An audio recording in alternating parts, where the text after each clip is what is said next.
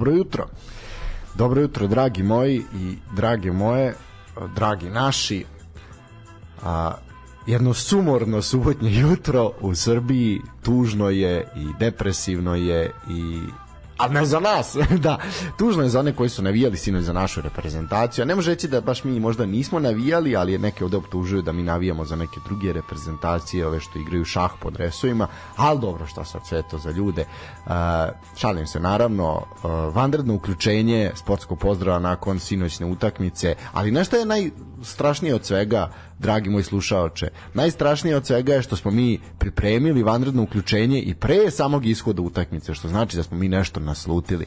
A, danas i ovoga jutra, ovoga prepodneva sa mnom u studiju je naš sada već ovaj kako da kažem ponavljač analitičar ovaj nije gospodin Rade Bogdanović nego je neko mnogo mnogo bolji Strahinja dobro jutro dobar dan dobro rano Nikola će možda doći, Nikola očekujemo ga, malo je malaksao nakon sinoćne utakmice, mislim da i njemu kao i našem selektoru sinoć nije bilo baš dobro i da je teška noć bila ovaj, pred njima, ali dobro, ovaj, nadamo se da će se uključiti, ako ne tu je makar preko poruke.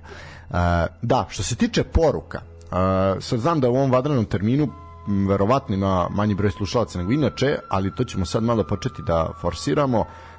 Imamo nezavisni broj telefona na koji možete da šaljete a, poruke, ovaj može neke golotinje, nešto sve ćemo se mi to dogovoriti.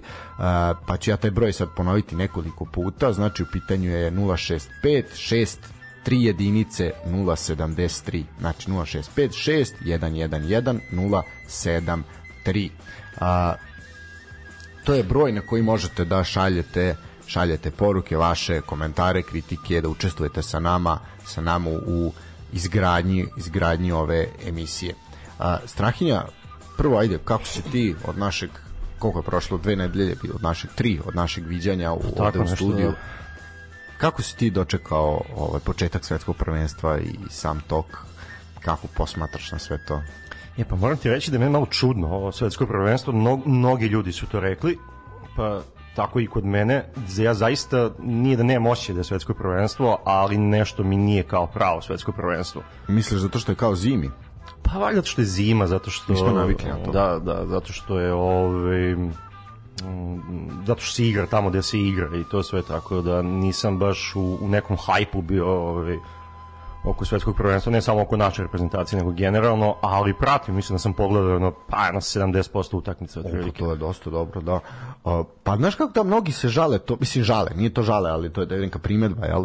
Ovaj, da kao znaš kao ne čudno je znaš kao jedemo ono sarmu i kiseli kupus dobro bilo je tih fazona da, da, kad da. neko provali pa onda jašu da. svi kao da ovaj ali ja sam baš jeo pre neki dan podvarak i gledao utakmicu tako da a i sarmu isto tako da eh, ali ja ne mogu reći da meni ovo sasvim pri, mislim onako jedno malo je malo je drugačije, malo je osveženje, malo smo ovaj promenili. Ne, ne mislim da je loše.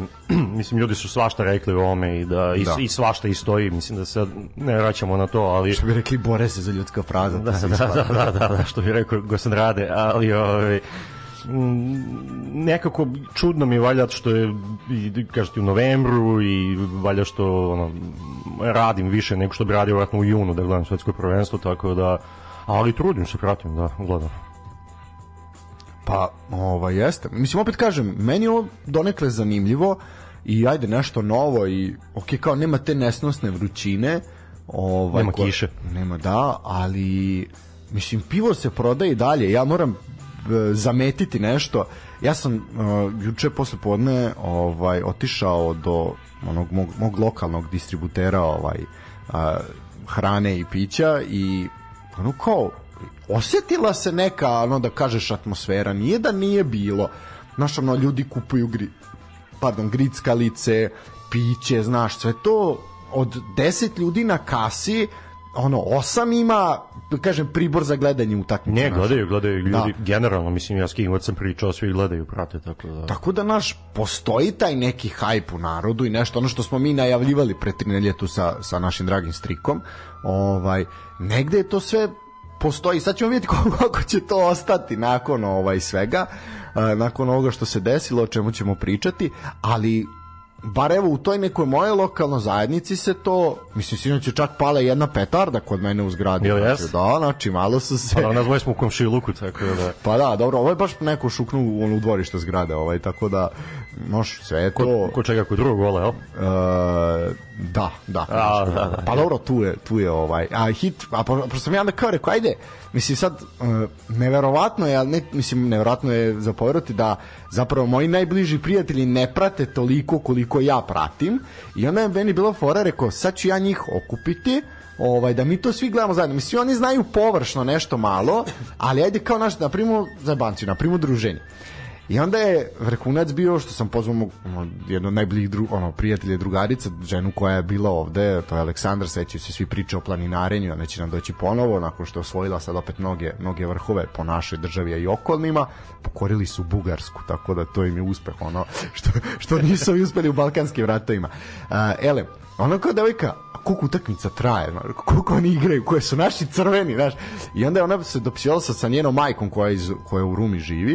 Ovo ovaj, je ko ona, a Keva šalje, zgrada se trese, šta je ovo, je to naši vode? I pita mene, ja naši vode, mama me pita šta da rekao, piši vode sa 2-1 i onda sam rekao, a ja u dresu uh, državne zajednice Srbije Crne Gore da. da, i je rekao, aj sad mene uslikaj ono u plavom dresu i ja sam se slikao, poslao mi poruku i žena je samo rekla pomozi Bože to, je sve bilo totalni, totalni cirkus tako da uh, jedno ovako porodično druženje i okupljanje i to je naj e, ja moram da kažem ja nemam tu instituciju zajedničkog gledanja ovaj, zašto? nikad nisam, pa ne, ne znam nekako ne volim da, da, da, da gledam sa nekim utakmicom zašto? Šta, šta ti spreča? Ajde, to, ajde, to me jako zanima što, zašto? Pa to je zabava mislim, što da ne? Pa jeste, ali ne kažem da nisam gledao bio, ali evo ovo prvenstvo ove, ovaj, sve utakmice naše reprezentacije i ove ostale sve osim jedne o kojoj ćemo pričati još možda kasnije utakmice sam gledao sam. Tako da ne, ne znam, valja me dobro, ja sam malo i čudan generalno, ali ove, ovaj, e, mislim da, da kad gledaš sa nekim, juče sam sa drugarom jednim pričao, sreo sam ga u gradu juče slučajno, ja kažem, e kao ajde, hoćeš da pogledamo večeras i on kao, Ne, ja bih po kući sam na pogledam. Ja kažem, da, to sam i mislio, tako isto ja osjećam. A misliš kao zbog izliva emocija? Nije, ne me izliva emocija. Ja imam problem generalno, ne me izliva emocija, više ni za šta, ali... Ovaj, e, lakše mi je, više volim sam da pogledam utakmicu, mislim da je bolje vidim. A dobro jeste, vidim, da, svakako kada... Ja, pazi, izvini, ja nemam taj moment loženja svakako, ne, ne, ne mislim da ništa loše što naravno, neko ima, naravno, naravno. Da da neko pogrešno ne razume, nego ja jednostavno nemam, ja to ne osjećam. I onda, i onda mi je lakše da, da, da pogledam sam i da sada se ne skupi nas pet, onda neko zapitkuje, onda neko traži nešto, onda neko gleda. Da, ok, fokus je svakako manji u toj situaciji, da. Mada, pazi, i sinoć gledamo onu utakmicu, ono, ja sam se dopisivao, mi smo se dopisivali na našoj Svi, da. retos grupi, tako da... Pa, ali šta ti to govori? To ti samo govori da... Uh A to je ono što, šta, to je lepota našeg futbala, čak i naše lige. Ti realno možeš paralelno da radiš još dve stvari i nećeš da. ništa da. propustiti. I to je ono što sam ja pričao ovaj, i ovde u emisija i na areni. Znaš kao, multiprenos je spas za našu ligu. Jer ti kad imaš četiri utakmice koje su jako spore, ti ako radiš multiprenos, onaj ko gleda će dobiti utisak da se stalno nešto dešava. Jel realno na četiri ili pet utakmica ćeš u nekom momentu uvijek imati nešto da se negde dešava. I onda to sad ispada ja ultra dinamično, sad se mi prebacujemo tamo vamo, zapravo su utakmice ono krš, razumeš? Ali, mislim, krš za tempo, ne kvalitetom, ima tu šta da se vidi. Tako da, ali dobro, ovo je, mislim, zanimljivo. Ja sam, kažem, pozvao, zato eto, više mi je bilo... Uh, ja sam mirniji, manje se uživim u utakmicu kad gledam sa nekim. Jer je meni upravo ta, ta distrakcija potrebna, jer onda ono naš, onda meni bude smisla, da. da. onda meni bude bude ono ko, ko Pixiju loše, razumeš, on se ja iznervira, onda me iznervira sve. Al onda ja sad kako ja pratim utakmicu, evo sad ovo malo možemo ovo isto nikad nismo rekli za 110 epizoda. O, kako sam ja kako ja pratim svetsko prvenstvo, odnosno kako sam pratio našu reprezentaciju. Znači, bude Na primjer, tu se najbolje videlo, ja sam posle utakmice s Cameron, meni nije bilo dobro. A ja, a prvi sam, evo i ode sećaš se kad smo bili ne, bez ikakvog hajpa, bez loženja, znao sam da ćemo biti takvi kakvi smo i bili. Ja sam pogledao biser pustinje pre utakmice. Znači, pogledao sam biser, prvo sam poslušao Daške i Mlađu, pa sam po, odgledao biser pustinje pre utakmice. Pa sam onda odgledao utakmicu. Pa sam onda gledao biser pustinje nakon utakmice pa sam onda odgledao sve ostale utakmice, pa sam onda, znači to je ceo dan. I to se onda završilo biserom pustinje i Dejanom Nedićem u pokoponoć. I meni nije bilo dobro.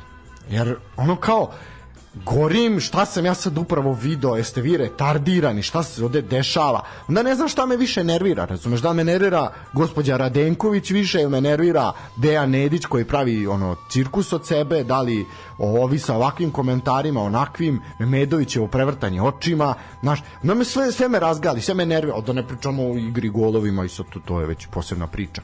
Ovaj, Tako da, naš, kao potrebno mi je da bi sačuo svoje mentalno Duše, zdravlje. Duševni mir. Duševni, a ne ozbiljno, da. Jel onda sam ja naš sinoć, sad ću ja praviti, ono, napravio neke hot dogove, nešto, naš sad piće, daj sa, jer naš ne mogu, ako se previše fokusiram, onda ću vidjeti šta ne valja, mislim sad kao, ispadam ja neki veliki znalac, ali prime, mislim, realno je u našoj igri čak i laičko oko primeti da nešto nije kako treba. Mislim da, pa da se tu slažem. Evo ja sam primetio to. Hvala. Pa, a ti nisi lajk baš toliki ovaj, da, ali... Mislim, naš, skontaš da nešto nije kako treba i sad jebi ga, takvi smo kakvi smo da se involviramo u to i onda samo, znaš, samo naštetiš sebi, što kažu ova dvojica, m, mm, jel, naši radijski oci, ovaj koji rade ovde pregaoci i doajeni velike misli, mudrosti. Aj sad više da ih ne hvalim, nisu me platili ni za ovo. A neće ni slušati. A neće da. ni slušati. Pa slušaj, kažu da slušaj, ovaj Daško tu sad malo malo uči naš počeo je malo da ga da navlači. Mislim da laže, laže. Mislim da pa laže. A da, vreme mi rušiti snove. ovaj, ovaj rušiti sneška. Ovaj danas on kao moramo se nekad sačuvati, kao naš kao moram malo nekad se izopštiti od nečega, naš on kao ja sam zato nisam mogao sinoć poslušao sam deo konferencije, onaj prvi zvanični deo kao što je Pixi pričao i posle onaj intervju sa Acom Stojanović ja to nisam mogao da slušam, jer ono kao ne mogu tu sad opet priču ponovo i sve to, znaš kao ne, kao spusti ton, pusti muziku i kao ajmo ajmo pa. Dobro ja to ne gledam na primjer ja ne, ne gledam sam početak, ne gledam one najave, ne slušam himne, ja se uključujem u 8, ja sam ja se uključio, upalio sam sinoć ono kad se, kad se rukovalo. Zašto ne pevaš himnu? Pa da, ne znam, prvo ne znam tekst, pa ima 28 strofa, tako da ne znam, ne znam da otpevam.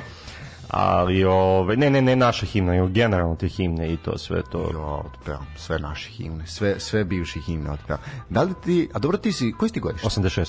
Pa dobro da, eto, to, na, znači, između nas je 9 godina razlike. E, ja sam, mi smo učili u a sad ćete slagati, u, drugoj, u drugom razredu osnovne škole se učila Hej Sloveniji bila je državna zajednica Srbije Crna pa Gora. Da, 2003. Da, godina to bila. A u petom razredu Uh, u petom razredu se bukvalno prvi čas muzičkog je bio i sećam se knjige iz muzičkog bukvalno na prvoj strani je bila Bože pravde bukvalno prva strana i to je bila prva lekcija uh, bukvalno sve Bože pravde da se odsvira koja šta svirao metalofon, synthesizer, da, da nije bitno. Vratno super zvučalo to sve. Vidi na metalofon, ono, država je umirala, plakala, razumeš? Ono, sveti Sava gore, ono, suzica mu kane. Ovaj, šta, proplakala ikona. O, strašno. I to je bila prva lekcija, naš prvo pevanje uz pratnju klavira, što je isto bilo kriminalno, ali i onda to sviranje. Mi smo učili celu himnu, ja su, mi smo nekoliko časova se učila učila himna, ono naš kao komplet, komplet, ono sve, svi strofe, sve. Mi sad zaboravio sam, ne znam da bi znao celu. Ne znam, ne bi znao celu, ne. ne znao bi ja dve strofe, sigurno. Da, prvo, prvo bi znao 100%, ovo već ne, ali, ali da, hit. I onda, znaš, Meni je, meni je simpatično ovaj. Mene je to preskočilo, nešto nisam imao ni veronauku, tako da... Ovaj... Pa zapravo, je, mi smo, moja generacija je prva generacija koja je imala to da bira građansku veronauku. Mi smo bili prva koja je... To je 2000...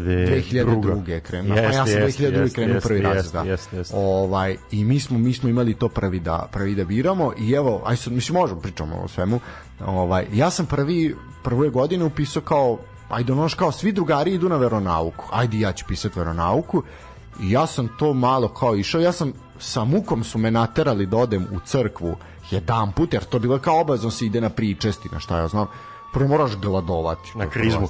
Pa, da, da, na da, da sunećenje. Ovaj, prvo moraš gladovati, onda tamo ti neki čika bradati ti daje neku ono ovaj kašiku sa nekim hlebom i vinom i ono što ti kao, aj mama ne, ne, ja neću više ovo. I ono kao, ajde kao bilo da bi moraš kao jedan put to odraditi, ajde odradio sam i on kao ja neću, sam od, od tad pa nadalje sam išao na na građansko i uvek na građansko bilo više devojčica što se posle ispostavilo kao benefit za mene u mom daljem životu, ovaj daljem razvoju. Daljem razvoju to je bilo to je bilo presudno. Ovaj tako da da, eto to su ja A to je, da, da, kako ko gleda i ovaj utakmice i kako se pripremi to sve, sve to, to sve to ovaj teo znaš to vuče korene od traume iz detinjstva. Ja mislim da sam zadnji put sa nekim gledao ono protiv Australije 2010. Uf, Tim Cahill, da. Uf, A gledao sam i protiv Nemačke isto, a to je bilo najbolje gledanje ikad. To je bilo gledao sam, Dobro, da. gledao sam u Bistrovu sam gledao bio, ovaj, ja mislim da je bilo jedno 120 ljudi unutra. A vidiš što sad, uh, ja ne mogu to gledanje u kafićima i to. Mene, mene ja to ne mogu to isto ne mogu, to me nervira, ali dobro, ajde. A pa znaš kao u kućnoj varijanti opet okupiš ljude koji su ti dragi, negde s kojima delimično imaš ili slično ili ono prilično isto mišljenje i ono stavove o svemu i onda kao ok brat onda to može bude sparnica ovo ono jer ste svi negde slični ali ne mogu, znaš, jer znaš, što sad da gledam tu neko kako mi se loži, kako mi maš onom trobojkom stripa rasta, na, to, to ne mogu. Ili o, da, Da, ili veseli se srpski rode i slično. Ovaj. Veseli se. Veseli se. Posle Kameruna, ja tebi ne mogu opisati kad je RTS ima tu, tu neku suludu rubriku da ljudi taguju na Instagramu i onda ovi puštaju. To, to korišćenje te dece za... Znači, suzdržavam se da ne kažem da je slično ono što su nacisti radili, ne, ne treba izjednačavati nacizam mm. baš sa svim, ali tu je. Znaš, ono, odmah, ono, dva mesta ispod toga aj prekinite, razumeš? Ad... Na šta meni isto problem kod gledanja ovoga sad, pošto ja nemam televizor već pa jedno 7 ili 8 godina prilike I ono, gledam na kompu kad pogledam nešto i to. E sad na kompu ove aplikacije, ove EON ili ja imam EON, ima i ona Arena Cloud ili kako se već zove, imam i to. Ove, tu kasni jedno, do, do 10 sekundi kasni A, da, u odnosu da, na TV, da. tako da sam ja juče dva gola našo stvari čuo u zgradi čuo sam vrištanje, pa sam pretpostavio da su naši golovi ove, i onda posle 10 sekundi sam vidio golove, tako da sa te strane možda, znaš, da smo sad uh, verovatno ću do kraja prvenstva nešto pogledati kod nekoga na TV-u, sasvim, sasvim izvesno. Eto, imaš poziv da, da gledamo zajedno. To e, da- eto, mislim, doćemo, eto, to, to a mislim, tu smo, što se kaže. Da, ovaj, mislim, eto, da vidimo, da, da razbijemo taj tabu gledanja u dvoje. A ne moramo u dvoje, ako se plašiš, možemo biti još neko to, kada, ako te strah. Dobro, da, sad ovo je, ovo je, ovo je zvučalo, ali zvučalo odlično. Ne, ele, znači, sinoć je utakmica uh, znaš kao, ova dvojica su isto jutros pričala o tome, oni, oni nekako naš započnu dan i nama dan započne sa njima zapravo i onda mi sve te neke informacije dobijamo od njih. A, znaš kao, bilo je u medijima tog loženja i bilo je kao razlozi zašto ćemo mi pobediti Švajcarsku i ono kao, pitajte Đokovića kako se pobeđuju Švajcarci i slični fazoni. I šta smo mi onda imali priliku da vidimo u kratkim crtama? Imali ništa. smo ništa, da, imali smo priliku da vidimo jednu ozbiljnu, ozbiljnu reprezentaciju, posloženu, koja Uh, ima neki sistem sad već godinama, nekoliko godina unazad koji je postavio Petković, pa evo sad ovaj ovaj Čika nasledio. Mene ovaj jako podsjeća selektor na ovog glumca švedskog, na ovog e, Mikkelsena. No i Danac. Danac, izvinjavam se, na švedskog Danac. Ne podsjeća na Slavišu. Kako, brate? Pa na ovog našeg Slaviša. Ne. Znam ja kog Slaviša misliš, kako? Ne, pa ne znam, ne. Mislim šarenog artikla, da, da. nije, ne znam. Eto. Ne, nije, više. Nemoj Slaviša se, da se ljutiš, ne mislim to, nego... O... dobro, što ovo ovaj je šmeker, ono, kao, ovo je to ti kompliment Slaviša, da, kao, nemoj. ovo sad si čoveka pohvalio. Ovo je... Meni liče malo njega, ne znam. A da li ti je Milijaš ličio na Daška? E, jednom momentu je sam rebao. A ti si, ti si još poslao to, ali ne znam, meni Daško uvek liči na Balaševića, tako da ne može... pa logično da liči na oca je. Da. tako sigurno da ne mogu uopšte da ga, da, da ga smetim. Meni je malo, znaš, sa onom rolkicom. Milijaš je baš dosta nedostojanstveno ostario. Da, ali isto kao Deki Stanković. On se sam skurcao u jednom trenutku, on se držao, držao, držao i onda je samo pao. Ali isto kao Deki Stanković. Ja. Isto, znaš, kao odjedan put, on došao u zvezdu, čovjek sa kosom, sve, sve. A pa nije Miljaš imao on taj njegov, taj Da, to šta god. Šta, šta god, taj, to ostrovo, to, taj otok ljubavi na njegove glavi, ima on to već decenijama, ali, ali baš se... Mada sinoć je dobro izgledao, onaj Dolce pa Vita, to, da. to je ta SNS moda, to, te rolke što se da, furaju i to. Da, da, da. Ovaj, ali doći ćemo do stylinga ovih na RTS-u, to, to je svakako. Ništa, da, videli smo jedan sistem, jedna ekipa koja mislim je vrlo onako svesna i svojih prednosti i svojih mana i ono, ne prave se mnogo pametni, nego igraju ono što znaju da igraju. I to forsiraju, to su te bekovi, to su ta ubacivanja, to je Rodriguez je prošao, ja ne znam koliko puta, mislim, to je ono bilo već suludo. A šta smo videli kod naših? Videli smo, po meni, čini mi se veću borbu i želju nego u prethodne dve utakmice. Mislim da to jeste bilo, taj moment neki motivacioni je bio na veće. Pa jeste, jeste, ali dok nije došlo, opet je ona priča prvo polovreme, tako da jesmo mi to ovaj okrenuli i to sve pazi ali da se mi ne zezamo u prvom minutu tri udarca ka golu Vanje znači yes, to yes, bombe yes. razumeš ovoga pogodilo u glavu pa ono tup tup tup bilo je kao šta se ovo dešava sreća čovjek je ono bio spreman ovaj mnogi golmani bi tu bi tu ovaj popadali već ono naš nezagrejani bilo bi bilo bi svega prilike kao ono što se desilo Velsu kad je ušao Goldman posle crvenog kartona, mm, mm. ovaj da je Iran odmah su ovi zveknuli, ovaj zveknuli gol al to se radi, naš mm. Goldman ti nije zagrejan. I onda ajde golovi Mitrovića i Vlahovića i sve se to opet preokrenulo i onda taj antologijska slika Pixija na na ovaj na kako se zove na klupi gde ono čovjek pred ono predinfarktno stanje. Ne, ali to je možda i najbolja slika njega sa sa ovog turnira. To to ćemo još isto pričati. Sa turnira svakako, ali... sa turnira svakako, da, to je baš je onako to bilo. I onda kao tamo smo pomislili kao ok, to je to, okrenuli smo, idemo na polu vreme i onda ovaj nesretni kamerunac Embolo kom ono kamenuju no. Da. kuću dole još da, da. ono, primjer ruše mu kuću kom uz mostom u Mostaru, razumeš otprilike. Pa znaš da je da znam, znam, da, da, da, žen, majka, majka, eto je naredio da, i to. Pa da majka izašla i rekla ljudi, aj stanite ono kao da isto dokle. A oni nestaju. Uh, otišlo se 2-2, sve to ajde kao naš kao dobro je, sve je to opet dobro. Međutim, ovaj Froler aktivan odmah, rezultat. Aktivan rezultat odmah u 48. minutu 3-2. Ona je akcija bila kao, znaš šta meni tu zanimljivo kad uh, slušam ljude sinoć i čitam i to sve i kao izjave i naših igrača i uh, i kao naivno smo primili golove i to, pa mislim dali ste, primili ste golove ko što ste ih dali, to su bile njihove akcije, nisu to bile nikakve greške naše. Tako pa da... Ispadali smo tu i nema šta. Pa I on... treći gol, švajcarski ono, Absolutno. ono je kao na malom futbolu bilo. Pa isto ono što smo, ali upravo to, ono što smo i mi uradili, na primer Kamerunu, to je bila akcija s malog futbala, naš ono, tap, tap, tap i, i to je to.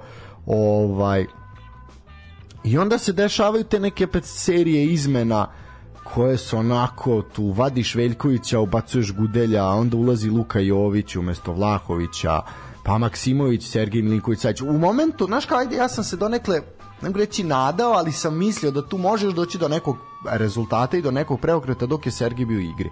Onog momenta kad je Sergej izašao, ja, ja da, sam Sergej rekao... Sergej izašao kad, koji minut? 67.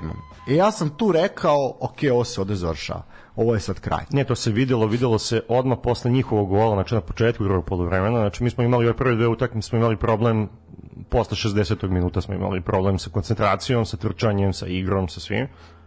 Evo sad je bilo ranije i tad je bilo meni u 50 neku minutu bilo jasno da da od toga nema ništa više, da, da oni, više oni stoje, nema. a ono posle 60 i neki minut, mislim da sam ono našu grupu poslao bio da, da mi stoje kao ja na našem terminu u 50. minutu. Da, da, već nemaju da u nosu. To je to, mislim sad stojim tu, statiram, pretvaram se da igram i to je to, linije su bile dosta daleko jedni od drugih, zujalo je na sve strane, Maši mislim, promar, imali su oni za 4-2 su imali onu sjajnu imali priliku. Su, da Ali negde su i oni naš, mislim na našu da su, sreću da su, su, i oni malo spustili yes, gas jer yes, i oni yes, više su. Jesu, jesu. Ali mislim da, da, da, da, da su oni odlučili da, da im njima treba još gol ili dva, mislim da bi ga dali. Sigurno bi išli na to, da. Mislim da posle nisu ni išli na ono, stali su jednostavno. Znaš, i onda, mislim, ulazak Đuričića, Radonjić je možda ušao prekasno. Uh, mislim, opet mm, meni je to sa Đuričićem i sa Jovićem izgledalo kao da si, Eto, čisto da, da si Pixi pomirio i da kaže evo ajde da. uđete da. da osetite i vi svetsko prvenstvo ali i... što je, mislim da je greška mislim da je i taj Jović trebao da igra ranije i mislim ono što se ono što smo mi pričali ovde i to je Nikola jako lepo elaborirao u prošloj epizodi i žao mi je što sam nije tu a, Pixija je krasilo to da je konstantno menjao, konstantno si imao novih 11, novih 11, novih 11. Znači, imaš 20, prvi put, znači, spisak je sa 23 e, povećan na 26. No. Da. I znači, on je znači, rekao da je to dobro i da mu treba više igrača. I ti onda forsiraš konstantno istih 11 i ne pružaš, ne daješ šansu ni tom Joviću, ni to sve, pritom dečko je počeo da igra, znači igrao ti u reprezentaciji kad nije ga bilo ni na mapi u Realu, Tako je. sad je počeo da igra tebe, opet ga ne, ne stavljaš ga, zašto ga ne stavljaš, realno smo mi utakmice i protiv Kameruna, po ja bi se usudio protiv Brazila, mi smo trebali da igramo sa dva napadača. Znači, ako je to naša igra, ako smo mi to igrali, ako je to neki naš sistem, kakav god, hajde bre da igramo onda tako. Mislim, šta smo dobili ovim? Ništa nismo dobili po meni je ovo ako se mora podući crta i ako, a mora se, mora se analizirati ovaj jedna zaista propuštena šansa jedne generacije da se ono makar izađe iz te grupe, ne da se osvoji, mislim da su sulude priče, ali moglo je da se uradi nešto više, jer ovo, znaš kao, točak istorije je nemilosrdan, i neće nikoga za 10, 15, 20 godina kad se bude ono vraćalo, neće niko reći, a oni su imali naš sjajnu generaciju. Nisu prošli grupu. I tu Neće, neće, ne za 10-15 godina, neće biti za 3 dana. To je ono što meni uh sad ajde još uvijek smo u analizi utakmice mada ja sad se ne bih usuđivao da, analiz, da analiziram ne, utakmicu to nešto pra, puno to ono što ti rekao da. meni je žao što Nikola sad nije što da. je srećan da dođe i tu bih upustio vas dvojicu ja zaista ne mislim da ja ja se nisam nikad bavio ni pop, ni poluprofesionalno fudbalom niti sam trener niti Znači, ja gledam ovako kako vidim te stvari koje smo videli, to smo videli svi koji pa, smo... Pa što ti kažem nešto, ja, se, ja u životu nisam odradio jedan trening futbala Pa da, da. Nikada, da. majke mi. Znači, i on osim u školskom dvorištu, što se ne, igralo, da. naravno, da, da, mislim ali, da pravi futbol. Nika, ne, da, naravno. I, ti, ti znaš da je poenta upravo ove emisije da e, je moja ideja bila kad je sve ovo krenulo da upravo mi koji na taj laički način gledamo da pričamo o tome jer je mi je pun, pun da ne kažem čega da ovaj, analiza da, an, da, da. Ne, ne samo analiza analiza kad je to analiza kao što radi onaj dečko na RTS-u posle da, svih da, da. i Nikola i sve to je sve u redu ali floskula, gluposti i ovo što se, nažalost, ima toga najviše, e, ajde da to malo sklonimo, nego da onda kažemo šta smo mi videli. Ne, ne, ne, slažem se, apsolutno, i pratim i da, znam. Slobodno reci šta... A, da, ali ne, ne, ne, ne, ja se ne bi usudio da ja, znaš, ja da znam, više bi ja na svetsko prvenstvo, pa bio selektor ovaj, najlakše je ovako pametno. Sad ja ne znam, naš, ono, da li se treba izmenu, ja bi izmenu ovo u sad ili bih ovog ubacio ovde ili bi ovo, meni ono što se videlo za ove tri utakmice je da prva i glavna stvar uh, uh, našoj reprezentaciji fali kondicije i sad ja ne znam šta je razlog tome ali oni očigledno ne mogu da igraju duže od 60 minuta Tako je. A pritom, I... opet, izvini sad, a pritom ti je ovo prvenstvo gde imaš pet izmena. Znači, pola tima možeš da zameniš. Zašto je to i u, i u sezoni si i to i sad, ok, sad se vadi, igrači su povređeni, to niko nije pričao do posle utakmice s Brazilom u povredom. Da. Ja bar nisam čuo sad. Tako je ali i to je, znaš kao jedan moment koji mene jako iznervirao uh, sad, sad ja stalno upadam u reč ali ovaj, negde, negde tako priču gradimo uh, mene jedna izjava jako iznervirala a to je, igrači su mi rekli da su okej okay. Da, da, to, to, to, to si spominjao u prošlom podcastu, pričali smo i mi na futbolu, pričali smo u grupi. Paš da. kao, da zašto imaš 15 ljudi u stručnom štabu, zašto imaš doktore, zašto služi taj japanac, zašto naš kondi, kondi, kondicijski, ha jebem te bože, ovaj, kondicijski, gotovo, otišla je, ovaj, znaš, zašto imaš kondicione trenere, zašto imaš uh, fizioterapeute, doktore, pa oni treba da kažu da li neko može, pa to se rade fitness testovi, pa se kaže, ovaj igrač može 30 minuta, ovaj može 40, 50, 60, ovaj može, znaš, kao, u redu je, je li moguće da smo mi kreirali na tome na poverenje, na reč, na dođem ti? Pa nismo, ali ja mislim da je stvar u tome kako meni izgleda, to je ono što sam sad rekao, bi ti kažeš posle 10-15 godina ko će se sećati, neće se sećati niko za 3 dana se neće sećati ovoga, a neće se niko sećati, ne bi se sećao ni da smo prošli grupu.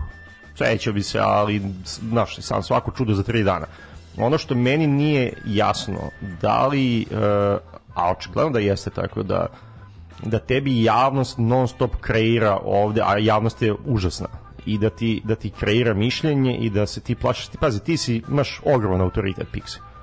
Otišao si tamo, mm, izvedeš protiv Brazila šta izvedeš, izvedeš protiv Kameruna da bude šta bude, vadiš se protiv Švajcarske i ti non stop pričaš o tome kako ovaj nespreman, ovaj nije bio dovoljno spreman, a da ga nisi ubacio, stavili bi me u top javnosti ili šta li već, mislim, čega se ti plašiš? To, to je ono što meni nije jasno. Ako si otišao tamo, ako si selektor, ne znam, Kostić ti nije spreman, e, Vlahović ti nije spreman, imaš izmene i stavi nekog i to njegovo kukanje kao eto da smo mi protiv Brazila, meni je, da. meni protiv Brazila dve najjače su mi njegove, ono, ono njegovo insistiranje na odbrani prvog poluvremena, gde posle se brani samo od sebe pa krene priča dobro kao nismo, ali prvo poluvreme smo bili dobri. Da, da, to je isticanje kako smo mi prvo poluvreme bili egal. To je to, to njegovo insistiranje na tome i da smo mi imali ovu dvojicu spremnih druga bi to priča bila. Koja priča bi bila druga? Da igro Kostić i Vlahović protiv Brazila, šta bi se tačno konkretno drugačije odvijalo? To, to, to je ono što meni nije jasno. Ali, ok, do, slažem se sa tobom. Ja sam to isto bio rekao i ponavljam opet. A, baš zato što je Pixi ima, znaš kao, Pixi je legenda, da se mi ne zajebamo, ozbiljna. I kao, ima taj moment da kaže, ja mislim da njemu niko ne bi, da je to jedina osoba kojom se ne bi niko, ne bi niko ništa rekao da, okej, okay, bili smo slabiji, bili su oni bolji, Zašto je problem reći da nešto nije valjalo? Zašto je problem priznati pogrešili smo, a, nismo dovoljno dobri? Zato što nema odgovornosti kao i sve, on ti je slika i mislim i on ti je preslika na društvo, ovo ti živiš u društvu koje ne prihvata odgovornost ni za šta. Ali to je ono što, što smo se mi prevarili da u momentima kada je on bio tu i kad su se gubile neke utakmice je rekao ok, mi smo sad ovo izgubili, ali ćemo, ne brinite, pobedit ćemo ostale, ovo smo uradili zbog toga, toga i bilo je tih momenta izgubile su one dve neke utakmice utakmice, pa je rekao, ok, sad ovde su, igrali smo bez ovih, nema veze, dobit ćemo ovde, kao sve naš, ono, kao. Opet je, ne, ne mogu da shvatim da je šta se des po meni ovo nije isti čovjek koji je bio da stano godinu nije dana. nešto nije pa evo pričali smo i ti ja sad pre početka nešto se čudno dešava tamo šta se dešava to ćemo vratno otkriti u nekom narednom periodu ovo što nam plasiraju, ovo što dobijamo, ovo ko je koga jebo i ko je kod koga otišao. Ja bih o tome i tekako pričao, mislim ne ko je koga jebo, nego o tome, o tom plasiranju i svega toga i onda... A, Sigurno da ima nešto, ali... Sad je, znaš kao, ako ste hteli da prikrijete, da to da ispadne da su to stvarno ono gosip, da su to neka trača, tračarenja, onda to se ne radi na ovakav način. Jer šta se dešava ako ja sad kao jedan od igrača koji je izašao. I gle, čuda, tog igrača nije bilo nigde i onda izlazi i prva izjava mu je to. A šta će, šta će pomisliti iko ko malo gleda? Pomisliće da onda je zapravo nešto bilo. Jer ako, ure, ako ja dođem sad i tu sad stoji neko i ja kažem, je znaš šta, sad ću lupiti neko ime, Pera nije glup. Šta tebi odzvanja? Pera je glup. Hvala. Pera nije napravio grešku. Pera je napravio grešku. Jer to je ona priča, to, ali to je ta, a naprednjačka retorika o kojoj nažalost slušamo, koju slušamo svaki dan. Znaš kao, kad te neko napadne da je on, e on je pedofil i sad ovaj jadan se upre da kaže da to nije tamo, ali gotovo je, razumeš? Znači onda ili iskuliraš, ne pričaš, ne daješ izjave, ne držiš monologe, nego jednostavno pređeš preko toga. Ili odmah reaguješ ili ne čekaš tri dana da reaguješ. Tako je, ta priča je bila tri dana prisutna pre nego što je bila reakcija. E to je ono što je problematika cele priče. Ne zalazimo, mi sad stvarno ne želim zbavim da time da li je neko skako po nečoj ženi, znači to, to me ne zanima. Ali de facto da, je moguće da mi prvo mi je neshvatljivo da uh, smo mi takav narod, a očigledno jesmo, ja svaki put iznenadim i razočaram, kome je, ako to nije istina, kome je u interesu da plasira tako sranje? Mm, pa vjerojatno nekom iz Saveza. Nekim od tih struja i to sve. Mislim. Ali zar mi, mislim, okej, okay, ajde, dobro. Ali za majka mu stara, zar to svetsko prvenstvo nije, znači mi kakva god da smo društvo, a jesmo podeljeni na milion sfera i ono strana, zar nije sad tu treba da se prezentujemo svetu kao neka država koja eto takvi smo, kakvi smo, ali smo zajedno, ajde da to liči na nešto A mi odemo kao najveći cirkus mogući. Pa uvijek je tako. Ali i da, i svaki put je tako.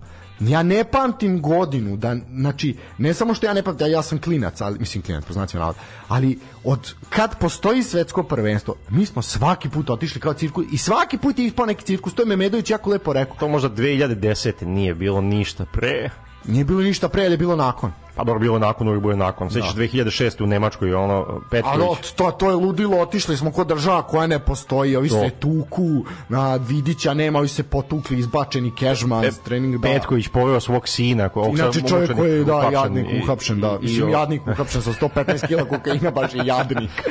ovaj. Ali uvek je, uvek je nešto, ono, pre četiri godine si imao ono muslina, pa dolazi Krstajić, pa se nešto dešava. Mislim, kako ti kažem, meni je ovo ja nisam, i ja mogu i da kažem, ja sam javno u ovoj emisiji rekao bio pre početka da mi nećemo proći grupu i, i eto, na kraju nismo ni prošli grupu i nisam se ispostavio kao sam neki veliki stručnjak i... A bilo je očigledno. I prognoza, jer otprilike odvijalo se svi kako smo, kako smo očekivali da, da, da se odigrava i iz ove situacije ne možeš ništa više. Ja sam iskreno mislio da posle ciklusa kvalifikacija i onoga što je urađeno i ovo liginacija da da postoji neka šansa, nisam se zaletao, nisam se zaluđivao budalaštinama i rekao sam mi bio da, ok, to je jedan ciklus, mislim, Petković je imao odličan ciklus. Da, sećam samo jedan primljen gol, na primjer, Petković. Tako da. je, u jakoj grupi i sve. I Antić imao dobar ciklus i, i, i, i Muslin je imao dobar, da. dobar ciklus, pa na kraju šta je bilo, tako da ovde očigledno da, da postoji organizacioni problem. Uh,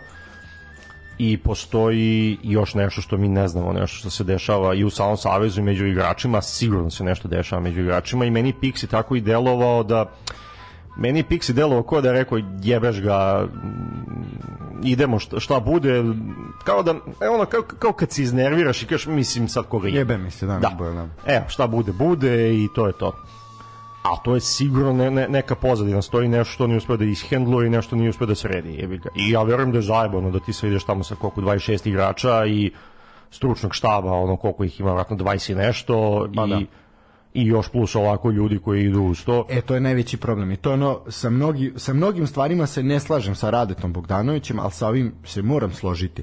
Najveći problem je što smo mi otišli tamo, što je otišla horda ljudi i otišla je u istom hotelu je mnogo ljudi i ne samo u istom nego u, u neposrednoj blizini su ljudi koji nemaju veze sa stafom sa jel stručnim štabom no. Da. e to je najveći problem pritom a pritom da ne, ne, da ne pričam o suludom uh, nastupima uh, Berović, Braći Matić, Prijovićki, pavlovički da gde ti druženje sa igračima, stvira, ja verujem, Ja, ja verujem da Pixija da jako nervira, mogu da zamislim situaciju u tom hotelu ili šta god da je već. Znaš, kad su oni sad imaju, ne znam, doručak pa nešto tu i sad se pojavljuju neki, ovo je nećak eh, ovog i ovog političara, ovo je prijatelj od ovog, ovo je ljubavnica od onog i onda oni dolaze tamo dave ih, slikaju se s njima, kače na Instagrame, kače na TikTokove, drmdaju tebi treba mir, ti treba se pripremiš za utakmice. Ono što je da radi, isto rekao, da, vama treba, nama treba mir, kao ono, mi smo uzrojeni sami od sebe, mi sad ti dolaziš. Ono... I onda je verovatno to, to ovo što se piksivim sa puštanjem žena ovo, i pazi, ja to sad sve hipotetišem situaciju. Naravno, pred, sad sve Pretpostavljam kako je to moglo da izgleda, ali po njemu i što sam, ajde da kažem da sam da sam radio na poslu koji nije, naravno, nije, nije, nije futbal, nije to, ali ima neki dodirni tačaka sa tim o čemu pričam sad sa ljudima koji nemaju veze sa tim, koji dolaze, a pred javni nastup je i to sve i znam kako to izgleda i znam kako to poremeti čoveka i ja pretpostavljam da on to da, da on pokušao da drži to kao ej ajde nemojte ovo, ej aj nemojte ovo, aj nemojte raditi ovo, onda uleće to ko je s kim bio, šta je bio, vratno on to pegla i na kraju kaže evo ćete žene, evo mi žene i terete su kurac više i vi dođite slikajte, s koga hoće se slikaj, radite šta hoćete i deluje mi ko da je popizdao. Pa okej, okay, ajde. Mo... Bez da branim njega, bez i bez išta da Naravno, branim da, njega. Naravno, da, nego je sad čista neka analiza sad.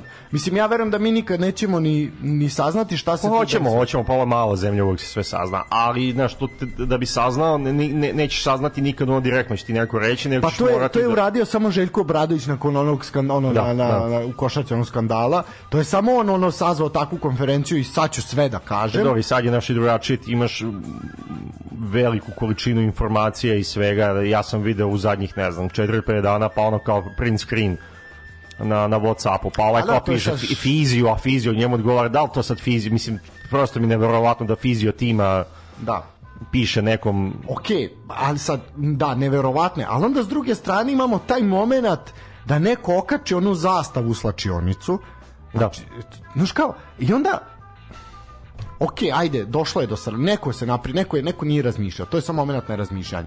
A, ja, ali neko bi trebao da razmišlja o tome. A neko bi trebao da rad, neko mora, to je ono što sam ja ovde pričao s Nikol, neko mora da razmišlja o tome, neko mora da razmišlja o imidžu, o tome šta mi jebote, pa znate da su oči uprte u nas, ta, ne u nas, u sve. Nismo mi bili sad jedini, pogotovo su ovde uh, gledale se trake na rukama Noeru ispod dresa, vamo se da, da, sve, sve se gledalo. Znači, zašto onda ovo radimo? Zašto to, šta je sad, šta se postiglo time? šta je naš moguće da niko nije bio toliko odgovoran da kaže da uhvati kaže aj nemojte ali to ti je to ti je rasulo o tome pričamo svo ovo vreme pričamo već 15 minuta o, o, o pričamo o tome, pričamo, pričamo o tome kako kod nas rasulo, zašto u Švajcarskoj nije rasulo, zato što ti je sve imaš nerešenu situaciju u Savezu, ima što sa igračima, šta se dešava, nešto se dešava, imaš tamo kako su otišli neorganizovani i to je to ovaj jedini mogući ishod, mislim. Nije švajcarska reprezentacija ništa po kvalitetu igrača, sad uzmeš 1 na 1, nisu ništa bolji niti lošiji od nas. Šta više, ja mislim da su, da, da u smislu kvaliteta igrača sa kad bi se merili 1 na 1 igrači švajcarski Srbije, ja mislim da, da, da su igrači Srbije kvalitetniji ali oni bolje stoje na terenu i bolje igraju, tako da prob... što su mirni. Problem je ono što mene interesuje ovako kao jel neko ko prati reprezentaciju i prati fudbal, zašto padaju posle 60. minuta? Zato što nisu dovoljno fizički spremni. Ne, ali zašto, da, da, zašto da. ne, to, to zašto nije, to nije, jasno, da. zašto nisu dovoljno fizički spremni. uh, ja sam to, to sam pričao sa, eto, s jednim čovjekom koji, ne s jednim, nego s nekoliko ljudi, koji, ajde kažeš, ne prate toliko, pa, pa je njihovo objašnjenje toga bilo laičko, uh, kao ali mi nemamo jaku ligu gde, gde bi oni, ja kažem, ok, ali vi nemate ni jednog igrača iz lige u, u reprezentaciji Trava. Pa ima ovaj, ali nije ušao. Pa nije ni ušao, da. da.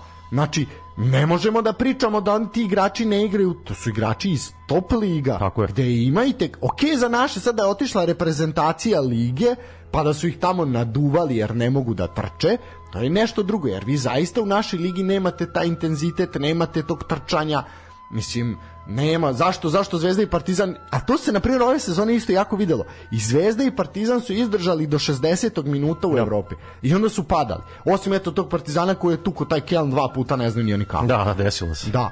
Znači, ali, ali da je Kelm bio fizički dominantin gde tu ono treba da natrpa do vrha mrežu. Uh, e, Znači, to mogu da razumem, jer oni realno imaš tu jednu utakmicu u prvenstvu i onda se ta jedna utakmica zatvori sa milion prekršaja, da to bude 0-0, da to ne liči ni na šta. I ove sve utakmice su ono, igraš protiv polu realno amaterskih ekipa da se niko ne naljuti. Ovaj, ili ekipa mnogo, mnogo manje kvaliteta odnosno na tebi. Nemaš tog duela. Ali ovi ljudi to imaju, jebote. Ovi ljudi su imali sezonu iza sebe, razumeš, gde su igrali i po čempionšipovima, po premier ligama, po po serijama A. Mislim, imamo 8, 9 igrača iz serija A. Pa jebo, znaš, onako, kako je moguće da nema? Pa, ali očigledno je da ali očigledno nema. nema da, I kažete, da očigledno da se neko tu i, i meša i očigledno i vište piksije izjave i to, da, ovo, ja spomenuli smo da, da, eto, da nisam stavio ovog, ovaj bi mi rekao ovo, javnost bi me ovo, javnost bi me ono, ovaj bi mi rekao, mislim, um, čudno je, čudno je zato što znaš, imaš i njega, on, on ne živi ovde, tako, on živi u Francuskoj, gde živi? Da, da koliko i oni poznaju situaciju ovde. Ma poznajem vrlo dobro situaciju, se mi ne lažemo, ali mene sad samo mene sad samo ok, mi ispali smo, otišlo je gotovo. Je. Sad tu nešto analizirati treba, treba, jel to je ako želimo zaista da imamo neki kontinuitet i da budemo ozbiljni, to naravno treba analizirati i izvući pouke iz svega ovoga. Vidi, da se mi Ne, eto, jedna Nemačka je ispala u grupnoj fazi već drugi put zaredom. No. Da. Ispadali su Francuzi kao branioci titule. Sve to u redu. Ne, sve to normalno, mislim. Da, nije, nije, ne, ne treba praviti dramu, ali ajde da se izvuku neke pouke iz toga pa da sledeći put se ne ponavlja tako nešto. To je to, to je to, da, da i za sledeći ciklus da budeš spremni i da je evropsko prvenstvo, da vežeš. Tam nikad lakša grupa, ono, ako sad ne odem na evropsko prvenstvo, ja zaista... Evo, tići će, mislim, kogod da bude mene da postave, otići će, ali mislim da ostane on i da se napravi neko iskustvo, naš, i pričali smo i, i faliti imati kontinuitet u svemu i bilo bi dobro da imaš dva ciklusa i dva velika takmičenja da imaš istog selektora i on će nešto naučiti i videti i on je pravio normalno dosta grešaka i to sve. E sad, ali to je ono, to je opet da se vraćam protiv kameru, na, znači na 3-1 se dešava šta se dešava i dve iste situacije, ti iz dve identične situacije primaš dva gola i imaš njega posle koji govori kako to ne sme da se radi kako ne sme da se izlazi toliko, to, toliko visoko i da je to nedopustivo i to, ja nisam video između dva gola da on reagovao išta. Ne. Pa ono što je Rade rekao, mi nismo imali selektor, to neko je trebao da kaže, alo, povucite se. I on kaže posle kao, eto, ja sam rekao igračima, čoče, ti, ti si trebao posle ono drugog gola da ustaneš, da vrištiš tamo, da udaraš, ne znam, da. flašice sa vodom, i da rešiš. Ti očigledno da nemaš, da, da si na ovom turniru izgubio taj autoritet koji si imao kod igrača ili o, možda, to je jedna stvar, ili druga stvar da, je, da su ovi toliko postali raspojasa na band da on nije mogao da ih kontroliše. Ne, i tu je naravno vratno i neko iz Saveza i još plus i ovi iz da. politike da. i sve, mi to znamo, mislim, nije to da. nikakva, da. nikakva, e sad ko je tačno, znaš, ono, to, to, to, to, to, to ima vratno zna njih 100 trenutno, ali da. ako za njih 100 saznaće i nas 6 miliona jako, jako brzo. Tako, ili manje. Da. Ili, ili manje, zavisi, zavisi od popisa i koliko ljudi gleda. Ali, da, slažem se, mislim da je, mislim da je bila dobra šansa, mislim da je grupa bila koja može da se prođe, nije bila laka, ali znate šta, na svetskom prvenstvu ste morate nekog i da pobedite. ti sad, e, sad ti kad pogledaš, ok, jeste, bra, ne znam, upamo Brazil, Brazil jeste juče igrao drugim timom, njihov drugi tim je pet ozbiljna ekipa. Njih u drugi tim u top 7 timova na, na, na prvenstvu. Mm, Kamerun je, ali kakvi su, takvi su Kamerun opet njih dobio, onakav Kamerun, mislim, Kamerun mi je tek, oni su meni smešni su mi, to, to ti ono malo što ti ostaje žao što si izgubio od njih, a mislim... Igro nerešeno, duše, da, isprosto iz, se bodove, nerešeno, da, isprosto nego, mislim, što, da, da, da što se prosto bodove protiv njih, znaš, ono, i onaj song je to, i cela ta priča, to je ono, kao naše, ali još šest puta lošije, Da. Ali oni su takvi kakvi su uzeli četiri boda, tako da onda treba da uzmeš da se zapitaš gde si ti. Vidi, postoji tu mnogo ekipa koje su mnogo lošije po talentu i sve, ali su jednostavno ono, došle da igraju. Uh, ono što je negde meni zasmetalo je, ajde još malo pa ćemo zašto u priču o našoj repstaciji, pa ćemo repstaciji, pa ćemo se onda baviti ovaj ovim malo ostalim što smo videli, jer videli smo neke zaista lepe stvari, ovaj i zanimljive. Uh, znaš kao, taj uh, kamp je naš bio smešten ono u centru svih dešavanja naš mi nismo poukli sa strane kao neke reprezentacije mm. budemo daleko da budemo malo naš ono budemo izopšteni od svega uh, A, I tu isto mislim da je bila ta negde, na, mislim da je jednostavno, na, kao što si sam rekao, da sumiramo neki utisak, jedna loša, loša organizacija. Ja se zaista nadam da Pixija neće dirati, da će to sve ostati, ali bojim se da ta već sednica Saveza u januaru koja je zakazana, koji je naš dragi predsednik sad obustavio vatru, pa će nastaviti. Ja verujem, evo, da ćeš imati novog selektora u novoj godini. Nažalost, bojim se da će to biti tako. Voleo bih da ostane, voleo bih da se ne radi ništa, ali da se ne dira jer ako neko treba tu da bude trenutno, to je Dragan Stojković Pixi. Znaš kao, Ljubiša Tumba koji će postavljen za trenera 15 godina kasnije nego što je to trebao da bude. Pa da, da. On je to trebao da bude tada kad je bio u Zenitu, ovaj, jel, svojih sposobnosti, kakav god on trener bio, ali sada noš kad je dobio to, on je već bio pregažan vremenski. Znaš šta, i ovde ti kako ti kažem, problem je oko toga što koga, koga ti da dovedeš, ti imaš ograničen broj ljudi koje možeš da dovedeš da, tu, ti nemaš novca da platiš neka velika imena, ali da li je dobro dovesti veliko ime, nemam pojma, meni je, meni je samo žao ovog svetskog prvenstva kao i svakog do sada koje sam gledao, uh, Mm, što ti to bila prilika da dođeš, da pokažeš nešto, da, da, da, da igraš, da se zezaš, da se smeješ, ti na kraju od svega toga imaš mučninu. Mučninu. Imaš, da. imaš, ni, ni, nije stvar jednog boda, apsolutno, da je nula bodova ali ti, ti od svega toga da mislim da uživamo, da, da, da, da gledamo, da meni, meni će sad ostati onaj Vlahović koji se vata za kurac posle gola, no, da. ostaće mi ova skandiranja uh, sa, sa tribina protiv Švajcarske, ostaće mi one, ono kao ovaj provocira, pa nemoj padati na provokacije, nemoj, naš, nemoj ići, nemoj ići tamo. Što, da, cela, taj moment da je, taj moment kad cela klupa skače, ja bih da sam trener, ja bih oterao slačionicu sve, igro bi bez izmene, kunem ti se... Da, da, da bar dvojicu bih poslao. Otero bih, što kaže Dule Vojošić, kakilo mu se. Pa da. Znači, znači vidi, na završili bi mi u slačionicu. Šta se ti zalećeš? Pritom, da, e ta priča A... Evo imaš izvini i, i sam zapamti i ono na kraju onaj slobodan udar za Švajcarsku i Mitrović onaj koji ti si preuzeo kapitensku traku i to i ti sad skačeš ko majmun i sad oni su pojeli vreme i sa tvojim skakanjem će pojesti još više vremena da. će pojesti i onda dobijaš žuti karton, onda psuješ sudiju i onda dobijaš realno rizik, treba dobiti drugi žuti, treba dobiti, ne, treba dobiti crveni, razumeš. A si vidio, Vinseta Bubakar je dobio drugi žuti uh, na, zbog proslave gola. Da, da, da. Čovjek je skino dres, dobio je, sudija mu je lagano prišao, da. ovaj se nasmio, rekao, da. jesam, nema veze. Ponelo me. Ponelo me, evo ti drugi žuti crveni, ovaj pružio ruku i izašao napad. Pa da, da. Tako da ono, mislim, ono kao svestan je šta je uradio. E, a to je to ono što, što ti, kako ti kažem, što, što, što ti je žao i što mi je žao posle svakog prvenstva, znači što nisi, nisi, nisi video neku igru i neki trud i uvek je neka muka, i uvek je da je sad bilo ovo, onda bi se desilo ono i uvek je malo sudija, znaš, malo je bilo i proti kameru, na malo je malo je bio i sad je bio, znaš, to se sad ovo da. nije, nije, nije, treba kako kaže ovaj stručni konsultant RTS-a sudijski, kao kaže, nije se argentinski sudija dobro pripremio za meč, trebao je da vidi, a mislim šta da se pripremi, ja se nisam dobro pripremio, znači ti sad imaš situaciju da on treba da razume da je ovaj rođen na Kosovu, pa živi u Švajcarskoj, pa će onda poka da se uvati za privatni sektor, pa će da iznervira naše igrače koji će skoče sa klupe, mislim, to, to ja ne mogu da razumem, tu 36 godina živimo ovde, ovde će onda, razum, kako onda se pripremi na to?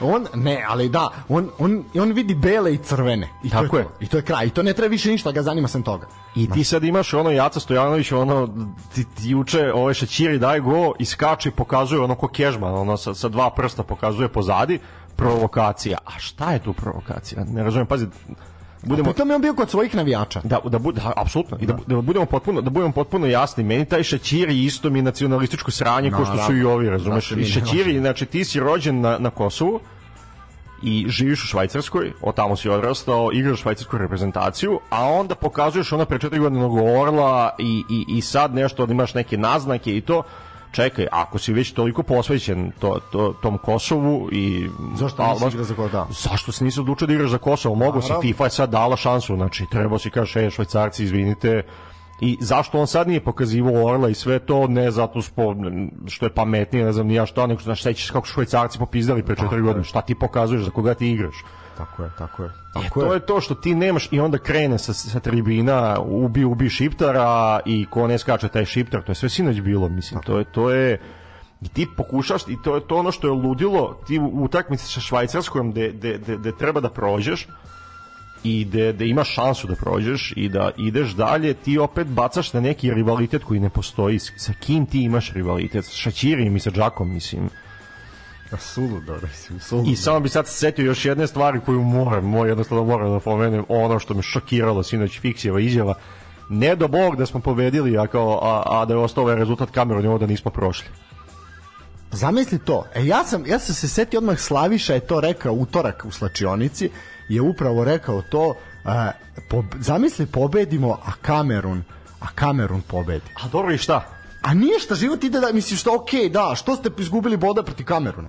I okej, okay, i tu je, tu je ključ. Mislim, naš, ono dešava se i to, ali on uvijek traži opravdanje to, i vidiš da je bolje što nismo sad pobedili, jer da smo pobedili i Cameron pobedio i onda bismo bez veze ispali. Razumeš. Jako puno je tih opravdanja, bilo i tome jako... jako previše, previše, opravdanja, razumeš, previše. A, ja predlažem da mi odemo na jednu kratku pauzicu, ovaj, šta ti misliš malo da nam da smo da se lepo za... Imamo više kondicije, rekao, ono, 50 minuta smo izdržali bez problema. Ono, pa moj, ja ne znam što se Daško i mlađe žale svako da, da, jutro. da, da, da, ja ne vidim, još, još ih neko plaća kao mi. Još ovaj ne daje, ja rad, duše ja imam sad, dogovorili smo se, ja sad, Ajde, dobro, dragi slušalci, slušalče, dogovorili smo stanku, ja pošto imam nekih rupa u, ovi, ovaj, u radnom stažu. treba popuniti. Nije mi povezan radni staž, pa smo mislili sad s ovim dopunskim, ovaj, tako da. E, vidi, pošto je naš predsednik pričao ovaj, šta voli da pije, pošto su ga napali da je bio pijan u snimku, on je rekao da on pije samo čaj milice i zero kolu. Tako je, tako da, je. Prosto. Ovaj, mi ćemo pustiti, e, dve pesme ćemo pustiti, pustit ćemo, jedno će biti Mašinko, a drugo će biti nešto što je Vučić rekao da je to njegov omiljeni band. Ja usreću se šta Znaš šta je? Ne znaš šta je. Ne znaš šta je. E, onda prvo slušamo to, pa ćemo slušati... Neko beogradsko sranje, ha! zapravo ne šokirat se, ali on je ovo zapravo rekao. E, ništa, ajmo, dve pesme od po tri nešto minuta, pa se vraćamo da ćemo pričati o ostalim reprezentacijama, dosta je bilo nas. Uh, ostanite uz nas. Ostanite uz nas, uživajte u muzici. Znači, predsjednikov omiljeni band. Thank you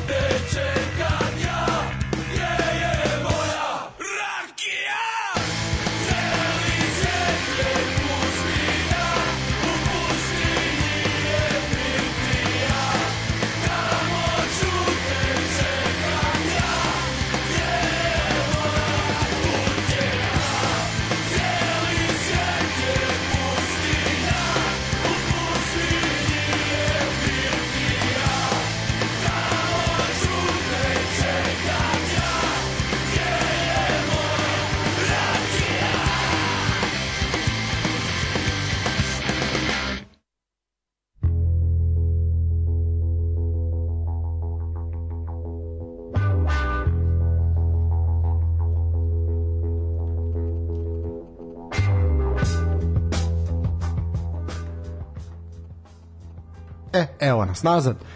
Nakon opsežne analize naše reprezentacije i učinka na svetskom prvenstvu, mislim možemo mi pričati još o našima, ali ajmo malo se posvetiti i drugima. E, ja bih pričao samo još na kratko Ajde, reci, reci, ovaj, za, za biser pustinje i to, znači... U, da, da. da pričali ste vas dvojica prošle nedelje i pričali oni su, su ljudi se, i to. Ovaj, oni su se potrudili da to bude.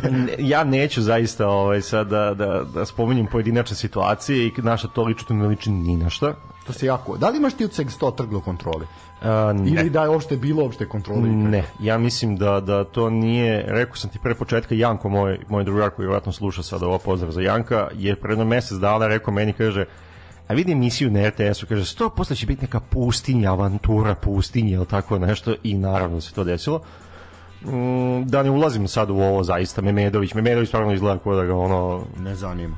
Ne da ga ne zanima, nego da ga toliko boli kurac za sve da da, da to neverovatno razumeš. Ali na, ali za Remo... i da ima nešto čime ucenjuje njih zašto mora da bude tamo i o, autorskom emisijom. I on zna da oni njemu ne mogu ništa da urade i sad da ne pričam to sve i, i, i sudija i to, znaš, mislim svima je jasno da to ti si pitao, ne, ne mislim da se otrgli kontroli, mislim da to nikakav koncept nema i da nema ko tamo da ti reaguje, da ti spreče stvari, sad ću ti reći zbog čega, što, zašto sam ispomenuo to i da je jednostavno tako kako je. Uh, i da to je sad trajalo, to više niko neće gledati sad kad su naši ispali. Pa da, ostaćemo samo mi koji ćemo gledati ono sve u utakmice. Pa da, pa da, i onda će pogledati nešto. Mislim, nisam ni ja pogledao sve, ovaj, sve bisere pustinje svake, svakog dana. Nisam ni ja, da budem iskren, ja sam, e, meni su suge, ja sam, da budem iskren, stvarno pratio prenose na areni, ovaj, ne znam, iz nekog razloga, E, zato što je, naš kao, ovde kad se završi utakmica na RTS, onda oni puštaju te svoje ono, gluposti koje ne mogu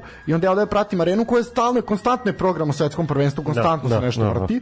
Ovaj, I to me više zanimalo i onda kao stigle su prebaci na RTS kao ludilo mozga, ja tamo prebacim, ono, ovaj se nabacuje Kosjerini, ovo mi spada olovka, ovo, ali jako je, na primjer, evo, ono što, Kosjerina je jedan dan nosila, jedno veče, nosila bisere, imala je dekolte i sve, I, Ju, ja to nisam vidio, sam vidio sam da, kad je obučena. Ali to se desilo jedno veče, to prvo veče koje sam ja uhvatio i Nedić se, ono, čovjek se nabacivao, komentarisao, da. izgleda vam tamo.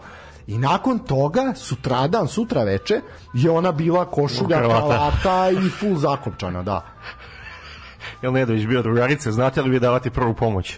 Da, da, prilike, da. Znači, Uh, aj sad ti dinastija, ovo je bilo samo... Ne, ali kažu ti, to je toliko van kontrole i toliko je loše organizovano i toliko je kurcobolja da ti ja... uče, i uče imaš ovoga Bogdanovića koji... Svaki dan je tu, da. Ne, ne, svaki dan je budalaštine, ali juče ja ga slušam, ono pa u našu grupu sam poslao bi, on kaže, e, men drago, samo što su švabe ispale, a teli su ljudska prava i ovo i ono, a vidi i sad, a u stvari samo što se njima krivo što se nisu talili sa, sa, sa, sa šejcima.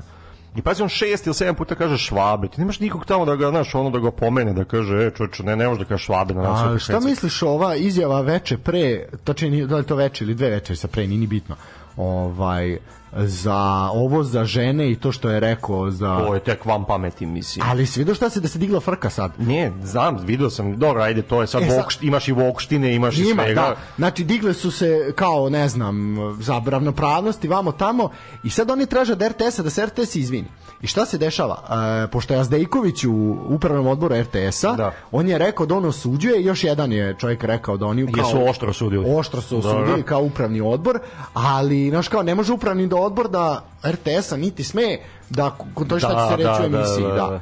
Mislim, Pa da imaš urednika onda ko može kontroliše, ali to ti je još jedna tema. Evo, znači sad... Ali to je otišlo u etar, to je gotovo. Ne, pa naravno, ali koji je ovo za švabe, ali to ti opet pokazuje, e, samo jako kratko ću za ovo, znači sve mm, kako ti kažem, i, i, i igre reprezentacije i ovo smo sad pri, o čemu smo pričali, organizacija i svega toga, ne može to biti, ne znam, bog zna kako drugačije od situacije u društvu.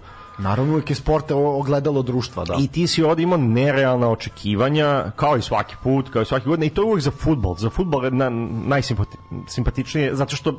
Simptomatičnije. Simptomatičnije, da. zato što uh, jednostavno najviše ljudi gleda i tad se prave i sve ove reklame i ovo sve, ja, sve vuče, ja da. sam tebi pre, pre emisije pustio onu reklamu za Velsona, njihova da. najava, mislim kako to, kako to izgleda. Tako je stražiti pasuš. Tako je, pa kad se ocepe. Mm. Ove, ovaj, ali e, generalno atmosfera u društvu i očekivanja ljudi i kako se navija i na koji način se ljudi pripremaju za utakmice i ovo sve mm, ja, evo, ja sam gledao na ne možeš ti se gledaš HRT ovde zato što je skremblovano, zato što da. imaš ovde ali evo ja sam u nedelju sam bio u Osijeku pa sam pogledao, tamo sam pogledao utakmicu Hrvatska-Kanada i pogledao sam onaj program njihov. Znači ti Kanada. Kanada, izvini, Aleksandre, nisam, nisam te video. O, ovaj, e, e, njihova najava utakmice, njihova biser pustinja, znaš, drugačije to sve izgleda. Ti e, imaš smeru, aj prosvete nas. Pa ne, ne, imaš prvo, prvo drugačije se prati reprezentacija tamo. Dobro. Tebi sam sad pričao bio, e, ja sam bio u Osijeku i posle ručka sam otišao do grada da, da, da prošpaciram, ali da vidim šta se dešava. Grad je pus bio nedelja, koji je ono, koji novi sad slična priča. Uh, i bilo je loše vreme i sve, ali ja sam, ne znam, video pet ili šest automobila sa zastavicama, sa onim navlakama za retrovizore, uh, gleda se organizovano po onim pubovima, piše fan zona, otišao sam u Kaufland da kupim nešto, pa sad sam, sad sam i tebi rekao bio, kupio sam mm, kao navijački paket, 50 kuna, 750 dinara, one naočare, pa te navlake za retrovizore, magnet za zastava za kola, tetovaža koju sam stavio naravno odmah u majmun, poslije sam mog dva dana da skinem. ali znaš pa imaš imaš ovu majicu pa imaš ovaj dres replika pa imaš onu majicu pa imaš zastavice imaš svašta da kupiš ja to kod nas nisam video nigde verovatno ima negde a ima kod Kineza ali ne znam ni ja na svakom koraku imaš i drugačije atmosfere i kao što ti pre utakmice sad se razgovara pa sa bivšim igračem nekim, pa sa ovaj koji je, ne znam, ovaj nešto u Kanadi je radio, pa sad njihov Rade Bogdanović analizira, pa se onda uključuju, ne znam, iz Osijeka, iz Varaždina, iz Adra, ljudi gledaju na trgovima, ajmo dečki i to sve, znaš, drugačija je atmosfera, ok, oni imaju mnogo više uspeha nego, nego reprezentacija Srbije, pa je to u nekoj meri i očekivano, ali uh, meni je ovde ovo sve naš sve i, i po društvenim mrežama što se mogu da vidim i ljude koje poznajem koji su otišli tamo u Katar, ja znam četvor ili petor od njih pa, pa pratim dosta seljački to sve tako da da, mislim ono što je meni negde mislim moram priznati aj bit ću potpuno iskren pa zato nisam to ni komentarisao jer zaista nisam uspeo da ispratim ni jednu drugu reprezentaciju načina koja se uh, lo, na kojem se narod loži, osim ovo što sam video kod nas, uh, naš kod nas je sve odlazak u rat. Sve, sve da, sve, sve je ništa. Sve je rat na život i smrt, na sve su odre, ali reklame su takve. Ja kad pogledam onu reklamu sa ni majka Srbija, majko Srbija zove, o, znači kao da ono sad, sad će zapucati neko, razumeš. Tako je majko došla vojna policija da me vodi. Pa da, da, znaš, jako je to strašno. Ne, ali znaš šta je tu još zanimljivo? Još samo ovo da kažem, da ista, i, i završit Evo, ako, ako moji sagovornici, znaš, ono emisija, onim politički. Ovaj E, sve ta, sva ta strast koja kao postoji e, ovde kod, kod, naših ljudi kad se navija i to tu sušti, suštinski ne postoji, to je prazno. Nije to da, to je nacionalizam samo, nije to ovaj strast. Ali, da. a to nije ni pravi, nije ni nacionalizam, nije ni to je iskreno, sve je forma. Jel vidi ovako, da se u Argentini desilo, na primjer, ovo što se sad nama desilo, ne prođu grupu, ja mislim da bi se juče u Argentini ubilo jedno 20 ljudi. Da, fa, da, jasno mi je. Da, a razumeš šta hoćeš da kažeš. Odeš ti posle, znaš, ti ćeš sad sinoć, ja gledam sinoć po društvenim mrežama i iskupao je neko jebite se fudbaleri, okače da, je da, bio, da, da, ne znam, da. ovo ovaj nam piše sramota kako ih nije, a rekli su da će ne znam ni ja šta. Sutra će biti nova tema već. I to će se vrte dva dana i ono u ponedeljak ko živ, ko mrtav, ko se seća uopšte da reprezentacija bila i šta se desilo, znaš. To mislim da je problem da ti, da ti to smo i prošli put pričali, mislim da ti fali malo razumevanja boljeg situacije, manje fatalizma, i, i to je to, nemam ništa protiv loženja ložite se ljudi, stavljajte zastave ali nema da ne date sa tri prsta to stvarno moram da kažem, mislim to je ono seljački je, ja. i da. budi, budi malo realan, budi, evo ti Burazer moj on predaje u, u gimnaziji, predaje istoriju on mi pričao bio, kaže, kaže Igor moj kaže, kaže klinci, kaže ja njima nisam mogu da objasnim uopšte, pa su treće, četvrte godine srednje škole, gimnazije ja kažem ima kao, mislim, pošto je bilo kao, pitali su ga kao profesor i kao šta vi očekujete protiv Brazila i on kao, pa, vjerojatno ćemo izgubiti, mislim, kao, ono, možda ako osvojimo da, bod, kao, to je ono, kaže, ti ne možeš njima da objasniš, oni su ubeđeni da mi dobijamo Brazil, razumeš, da mi kidamo. E, to je to, malo, malo samo normalnosti, malo, malo normalnosti i malo boljeg navijanja. Navijajte, brate, razumeš. Ali, okay. ali ne može to, ali to kod nas, strakinja toga, kod nas mi nemamo navijačku kulturu. Ti, nemamo, nemamo, da. Naš, ne možeš ti kad ti se svodi navijanje i za, da kažeš, najpopularnije klubove, ti se svodi na uh, mržnju prema onom drugom ne podjebavanje, nego ne, uvijek otvorenu mržnju, mržnju uvijek je samo mržnju i isticanje nacionalizma i pe... zašto, to je ona priča što smo pričali, zašto se na utakmici Partizan Novi Pazar uh, peva o nožica Srebrenice, brate navija za tu svoju ekipu, razumeš, ako će to biti ajmo crno-beli, nek bude ajmo crno-beli, znači ne mora tu sad biti ne znam kakva lirika. Da. Ali jebote, mo, ali to je to je problem.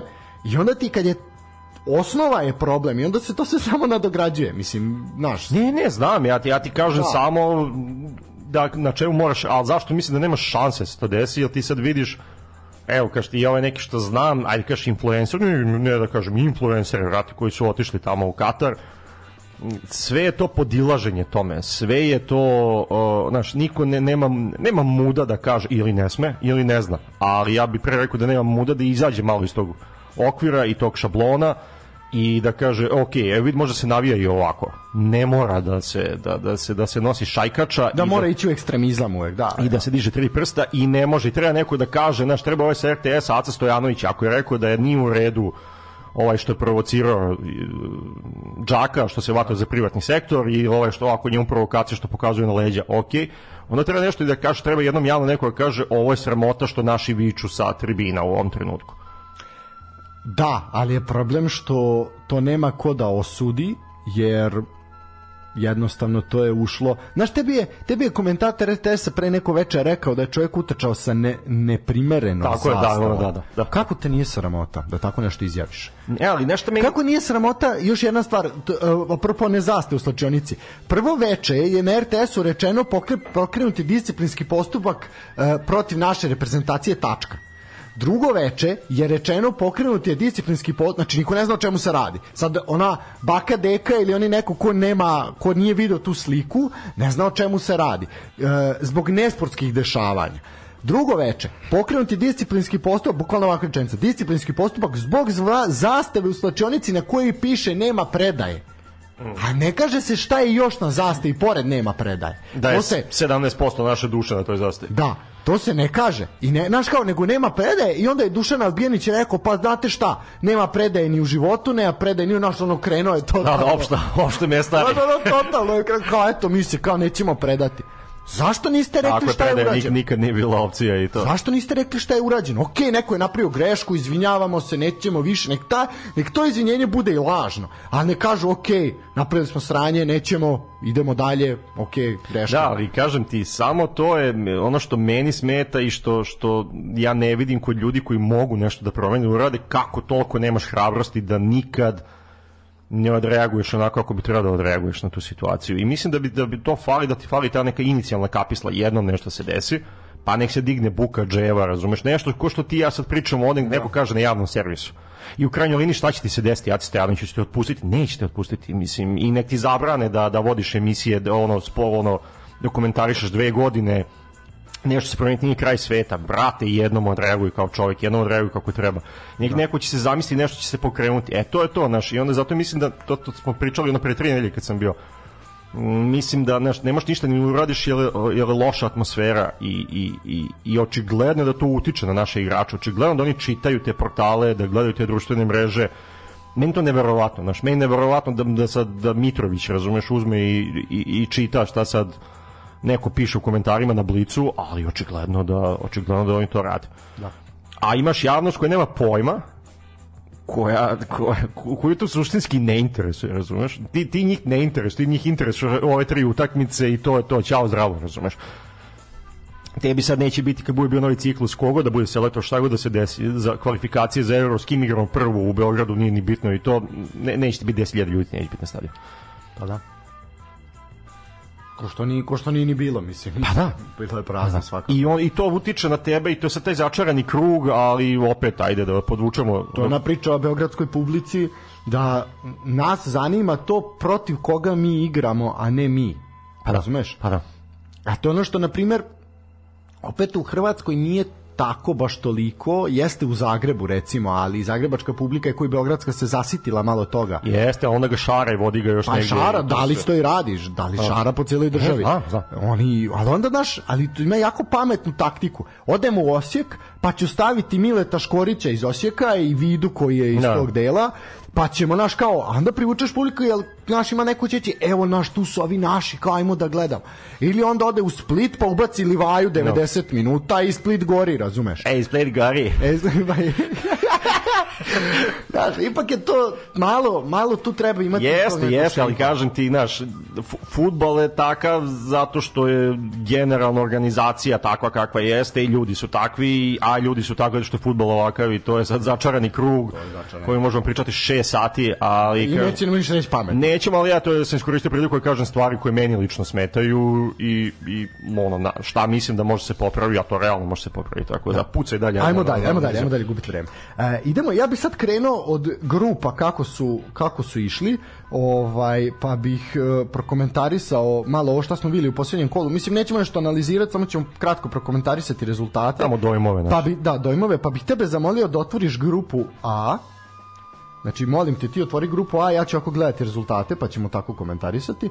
Uh, znači grup... to je ovo utorak što si igrala to je da to je to zadnje to kažem to treće treće kolo koje smo imali priliku da imamo znači u suštini Katar je završio Katar niko ništa nije očekivao od njih oni ništa nisu ni pokazali tako je tako je oni znači, su, oni su bili u skladu to... sa očekivanjima da i to se totalno završio uh, meni je Holandija jako zanimljiva Holandija yes, je rekli yes. smo jedna od pet reprezentacija koja reprezentacija koja nije poražena još uvek e sad videćemo šta će tu biti dalje s obzirom da sad kreće ono ozbiljan fudbal ovo je sve bilo onako šareno, lepo i sve to super, ali ipak, ipak sad naš, malo je, malo tu sad, igraju sa Amerikom. I to je negde zanimljivo, biće, biće zanimljivo za videti zato što imaš dve uh, e, repstacije koje su jako mlade.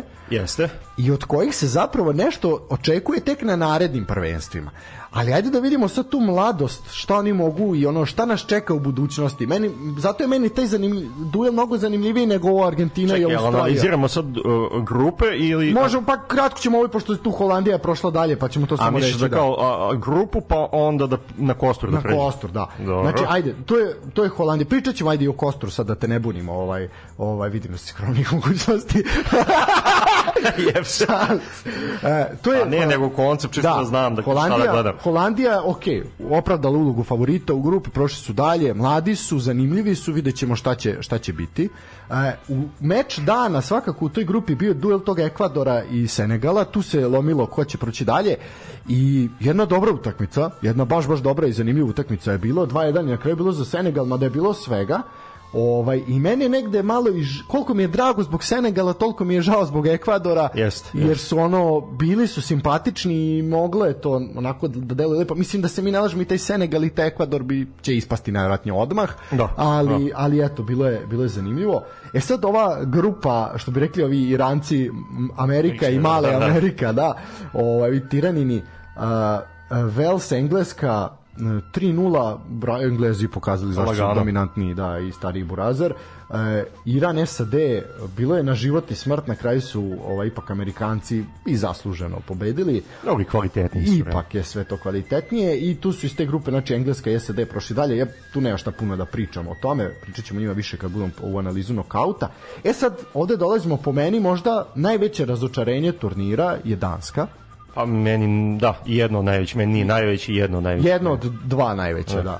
Uh, Danska, Aus Australija, što bi rekli vi se sa RTS-a, ovaj su je pokazala, pokazala onako jednu solidnu, solidna jedna reprezentacija Pa mazi, pokazali su generalno, uh, to smo spomenuli bili, koliko su se neki podsmevali ovim azijskim reprezentacijama kada je tek počelo svetsko mhm, prvenstvo. Pa su prerano se podsmevali. Pa su se da. prerano podsmevali, ti na kraju imaš od, od njih šest ali ovaj, ne Katar kao domaćin i to, ti imaš tri koje su prošle i imaš dve koje su samalo prošle, tako da... Pa da. Ne bi se ja zebao sa Australijom, a videli smo i 2010. se ne treba zebati sa Australijom. Ako neko ne sme da se zeba, to smo onda... Znaš šta, ima dosta tamo i naše vene prijateljske imigracije i onda... A, ovih ne ići što se, da. Aha. Naše gore liste. da. Sve. Jeste, jeste, Danska je baš baš baš. Danska je baš baš. baš ja sam mislim... A sad ću ti ja reći, sad ću ti ja reći prijatelj, zašto to tako? Zato što su oni ta ljudska prava isto hteli da imaju ljudska prava i onda smo se ne da pričate, hteli ste da pričate o poginulim ja, da, radnicima. Hteli ste, hteli ste poginule radnike, hteli ste uh, grbove koji se ne vide, jer su kao zatamljeni i to, hteli ste Krvavi, one, da. Hteli ste one da ne kažemo ne pederske, ja nemam ništa ništa protiv koga, nemoj ti mene pogrešno da razumeš, ali mislim to nije prirodno. Te, te boje to u četiri zida i to sve e, eto ti sad. Da. To je bio Rade Bogdanović koji se sirotio, po, koji se javio u kratku emisiju. Hvala. E, znači, da, Uh, Australija, je, Australija je pobedila se 1-0, uh, e, Francuska, Tunis, A, ja, e, to je malo, smo, da, da, to, je malo. svašta. Tunis jeste po 1-0, mada je Francuska izjednačila, taj gol je poništen jako puno ima nekih ti čudnih sad odluka vezano za offside, mislim ajde i mi smo bili pacijenti to te priče što je Nedić rekao var sa K pa je kao var kompjuter, jel var, da, mislim ja, znaš kao, bacio ono dead joke ili... Ima, ima, ima da. dobar fazon bacio. Da, ovaj, mene utakmica Francuska-Danska koja se odigrala bila utakmica koja je realno neko ono osmina finale, četvrtfinale tog intenziteta je bila takva utakmica, je bila možda i najozbiljnija utakmica mm, mm grupne mm, faze. Mm I onda je bilo za očekivati da će ova Danska pregaziti Australiju kao plitak potok, međutim... Međutim, kenguri su se pokazali kao živovi. Šamarali, da. Tunis, Francuska, eto, makar su kolonijalno ovaj, ovaj, da. kolonistima zadali udarac. E, ali eto, tu smo videli svašta i to je u ovom trećem kolu je bilo zaista svega. Ovo je prva u nizu tih nekih čudnih utakmica, da tako kažemo. Da, a bilo ih. A bilo ih je. E sad, e, naša slovenska braća a, su prošla, igrali su protiv Argentine, prvo je Čezni skinuo još jedan penal. Mislim da se mi ne lažemo. Nije ni bio penal. Nije bio penal, to je prva stvar. Kako su ga dobili, tako su ga i šutirali, ali je Messi baš jako loše šutno. Što kaže ovaj komentator sa RTS-a, ovaj, polu visoku je čovjek šutno, mislim, no, normalno da je ovaj skino, no, ali opet pročito je strano, sve to stoji. A, čovjek ume. Da, pritom je Čezni imao neku ludačku statistiku na tom poluvremenu, ono bukvalno imao više dodira s loptom nego svi ostali. Ono... I kad pogledaš šta Poljska prođe, ništa. Znači, a ništa nisu pokazali. Ništa. A realno je Meksiko pokazao više nego jeste, Poljska. Jeste, jeste. I Meksiko meni su iznenađenje što ono, jedno od ovih što nisu prošli. Ali evo sad, ok, Argentina je realno očekivano savladala Poljsku, yes, ako su se ovi držali prvo poluvreme, stvarno Poljska ni ništa. Poljska je dosta bila dobra prvo poluvreme, ako da, da, da, da, da. da primeti. da, da, oni imaju svoje prvo poluvreme. A, Meksiko, Saudijska Arabija. Meksiko je ono razarao Saudijsku Arabiju. Po pa njima su poništili, ja ne znam, tri gola zbog ofsajda. Inače, prvi gol direktno iz slobodnog udarca smo videli na tom meču na ovom svetskom prvenstvu. Pa dao iz Meksika je zvekno. Nije bilo pre toga? A, nije. Nije direktno iz slobodnjaka. Što nema Kolarova da je bio Kolarov. Da. Ovaj... Uh... strašno. E, Meksiko, znaš, ono kao poništili su im sve živo, pa baš ono bilo, bilo svega i ovi za infarkt utakmice. Ja verujem da je ono bilo ljudi u Meksiku koji su doživeli srčani udar. Ovaj ako sasvim sigurno, sasvim sigurno. I onda na kraju Saudijska Arabija koja je odigrala najpošteniju moguću utakmicu, nisu se predali nego su ono iskoristili tu priliku i dali tengu i ove izbacili iz turnira. Ja da i mislim nema tu sad da kažem neka zla krv da sad eto oni su njih izbacili zbog na, ne verujem da postoji istorija sukoba između Saudijske Arabije i Meksika ali zaista kao između nas i Švajcarske pa da njima je falio jedan, jedan gol im je falio a pa jedan gol im je falio su tu u jednom momentu imao totalno izjednačene re, da. repstacije sa svim i oni sa gol razlikom i svim i onda je teto Saudijska Arabija i Meksiko malo su me razočarali možda i nisu zaslužili da prođu zato što su jako ziheraški odigrali ona protiv Argentine jesu ona je, ona je očajno bilo ono, ono mi ko, ko mi protiv Brazila. Tako. A to je da. sad pitanje ko je manje zaslužio da prođe Poljska ili Meksiko, razumiješ? Ja mislim da zaslužio, ne, da, ja bi morao da biram mm, ja bih rekao da Meksiko prođe dalje, da. ali... Da. Mislim, realno je tu Saudijska Arabija zaslužila najviše da prođe.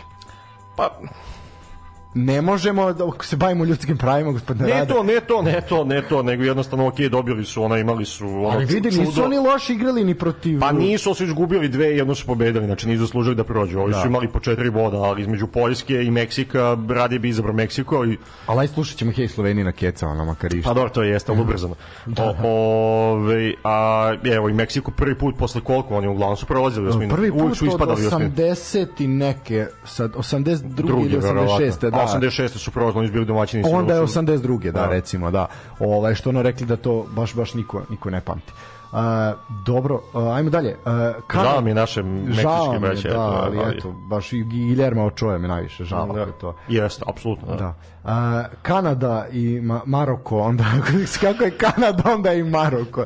Šta mi se, Kana Kanada i Maroko. Okay. Ovaj, uh, šta reći, šta smo tu bili, smo dve katastrofalne reakcije Milana Borjana, čovjek je direktno kriv za dva gola. Ja kad sam rekao, bio u prošlom gostovanju, ovde kad sam analizirao šta je potrebno za drugog golmana, kad sam rekao da ili mora da bude jako kvalitetan ili će biti da. pali, ali mora da vrišti, a ti kao, pa dobro, kao, kao Borjan, kažem, Borjan je užasan, vrati, stil lud. Ali Borjan je sad u padu forme, Borjan pre par godina nije bio takav.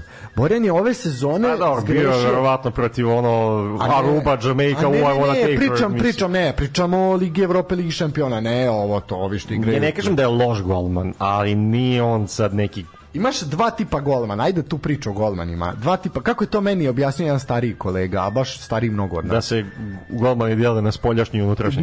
da, da, da, da, imaš golman, imaš dva tipa golmana. Imaš golmana Milan Borjan, imaš da, golmana Vladimir Stojković. Da, to su dva tipa. Uvijek bi Borjan izabrao. Zašto? Hm? Pa, ali imaš... Pa što kvalitetnije od Stojkina.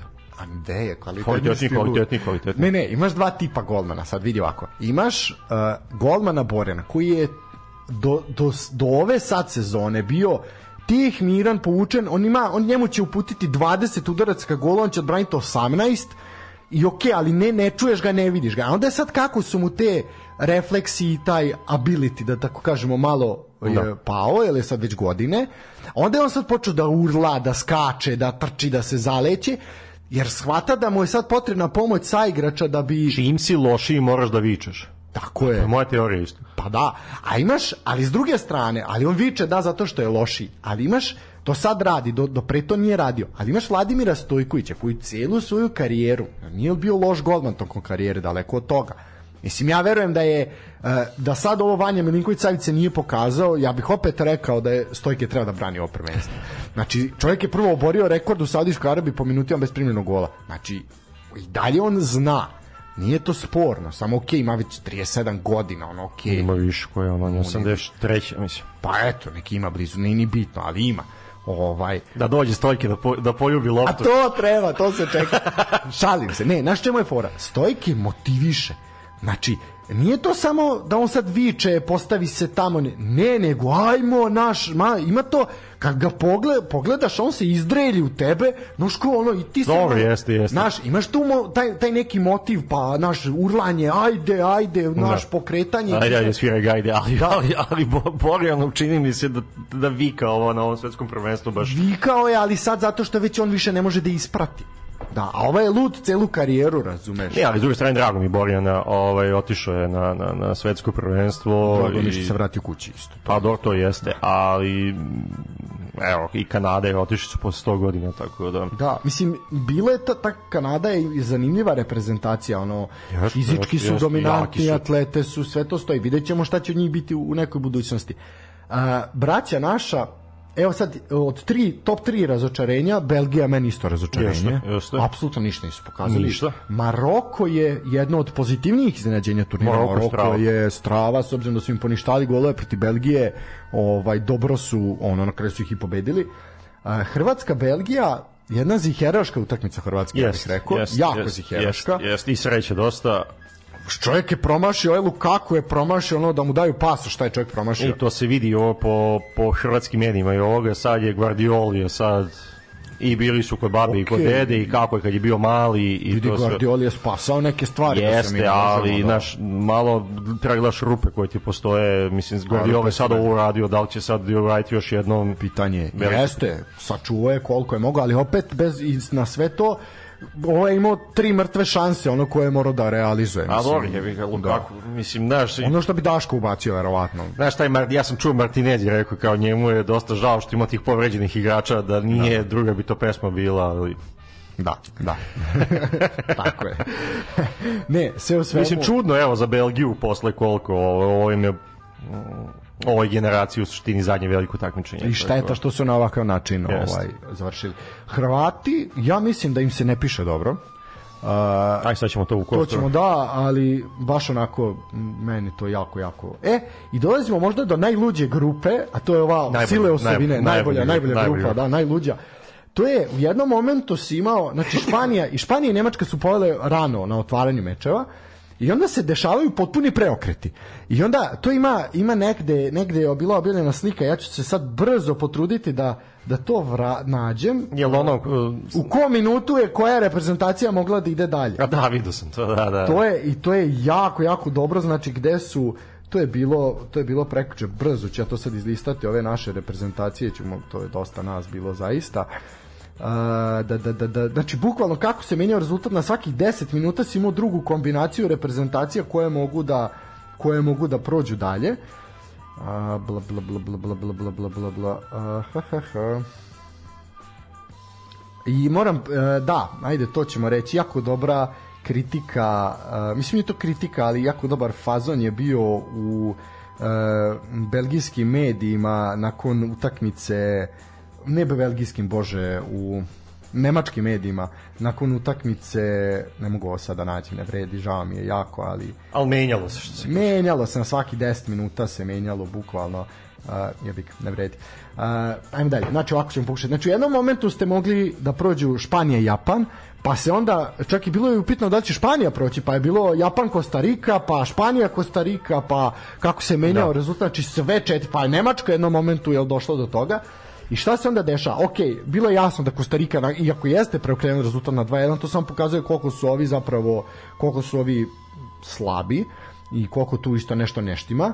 Uh, okrenula je rezultat, međutim Nemci su onda naravno stisli, dodali gas i pritisli to i završili priču, 4-2 je bilo na kraju. Uh, Japan, Španija, dosta kontraverzna utakmica, možemo tako reći. Uh, lopta, da li je prešla gol liniju? E, da, pa da, da, out linijom zapravo, gol out. Pa ono, pošto smo videli da nije, jel? Zvanično nije, da. E sad, znaš kao, i to je jako, jako sam lepo video na, na netu, uh, da je i kao lik je pokazao kao koliko to zapravo može biti varka da sta postavio je loptu i postavio je beli papir na parket i ko slikate iz Ne, naravno iz više uglova. Iz više uglova, da. I sa te fotografije koje su se pojavljivale u medijima, kad iz tog ugla slikano, tebi je zaista to pokazuje kao da je ona izašla, ali kada ono što je FIFA, ili se FIFA se, jako mi je drago što se FIFA oglašava za sudijske mm, mm. odluke na društvenim mrežama, na primjer na Twitteru, i oni su pokazali zvaničan snimak koji oni priznaju. To što je neki fotoreporter to uslikao, to se jebi ga ipak ne računa. A dobro, mislim, pazi, te stvari se dešavaju, dešavaće se, mislim. Ali ono što je kamera zvanična koja gleda uslikala, ta lopta je na liniji. Mm. Linija je sastani deo terena, znači Nije Tako prešla punim objem.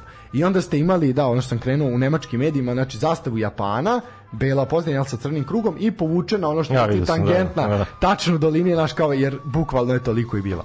Uh, Japanci jesu pobedili, malo je čudno, malo tu sad svi osuđuju Špance da su Španci u jednom momentu stali, da nisu više napadali, pogotovo kad su čuli da je Nemačka povela. Ja sam gledao, uh, ja, ja sam gledao Nemačku i prebacio sam za njih možda 12-15 minuta sam prebacio na Španija i Japan, pa sam pogledao i ono je stvarno Španci su delovali, ono samo pusti da prođe vreme. Da, jer, znaš kao, mi smo to da pričali, Nikola je to lepo rekao, ovo može biti ono kao negde očekivano, jer izbacuješ Nemačku iz kostura koja kasnije ono na jednu utakmicu može, kako god ona bila može da, da dobije svako, može ti bude nezgodna ovaj, ali eto za ovaj da kažemo mini ligaški deo baš i nisu bili spremni. Uh, Japanu svaka čast, mislim po meni Japan je zaslužio da ide dalje, da, okej. Okay. Da, apsolutno, apsolutno. Nema šta.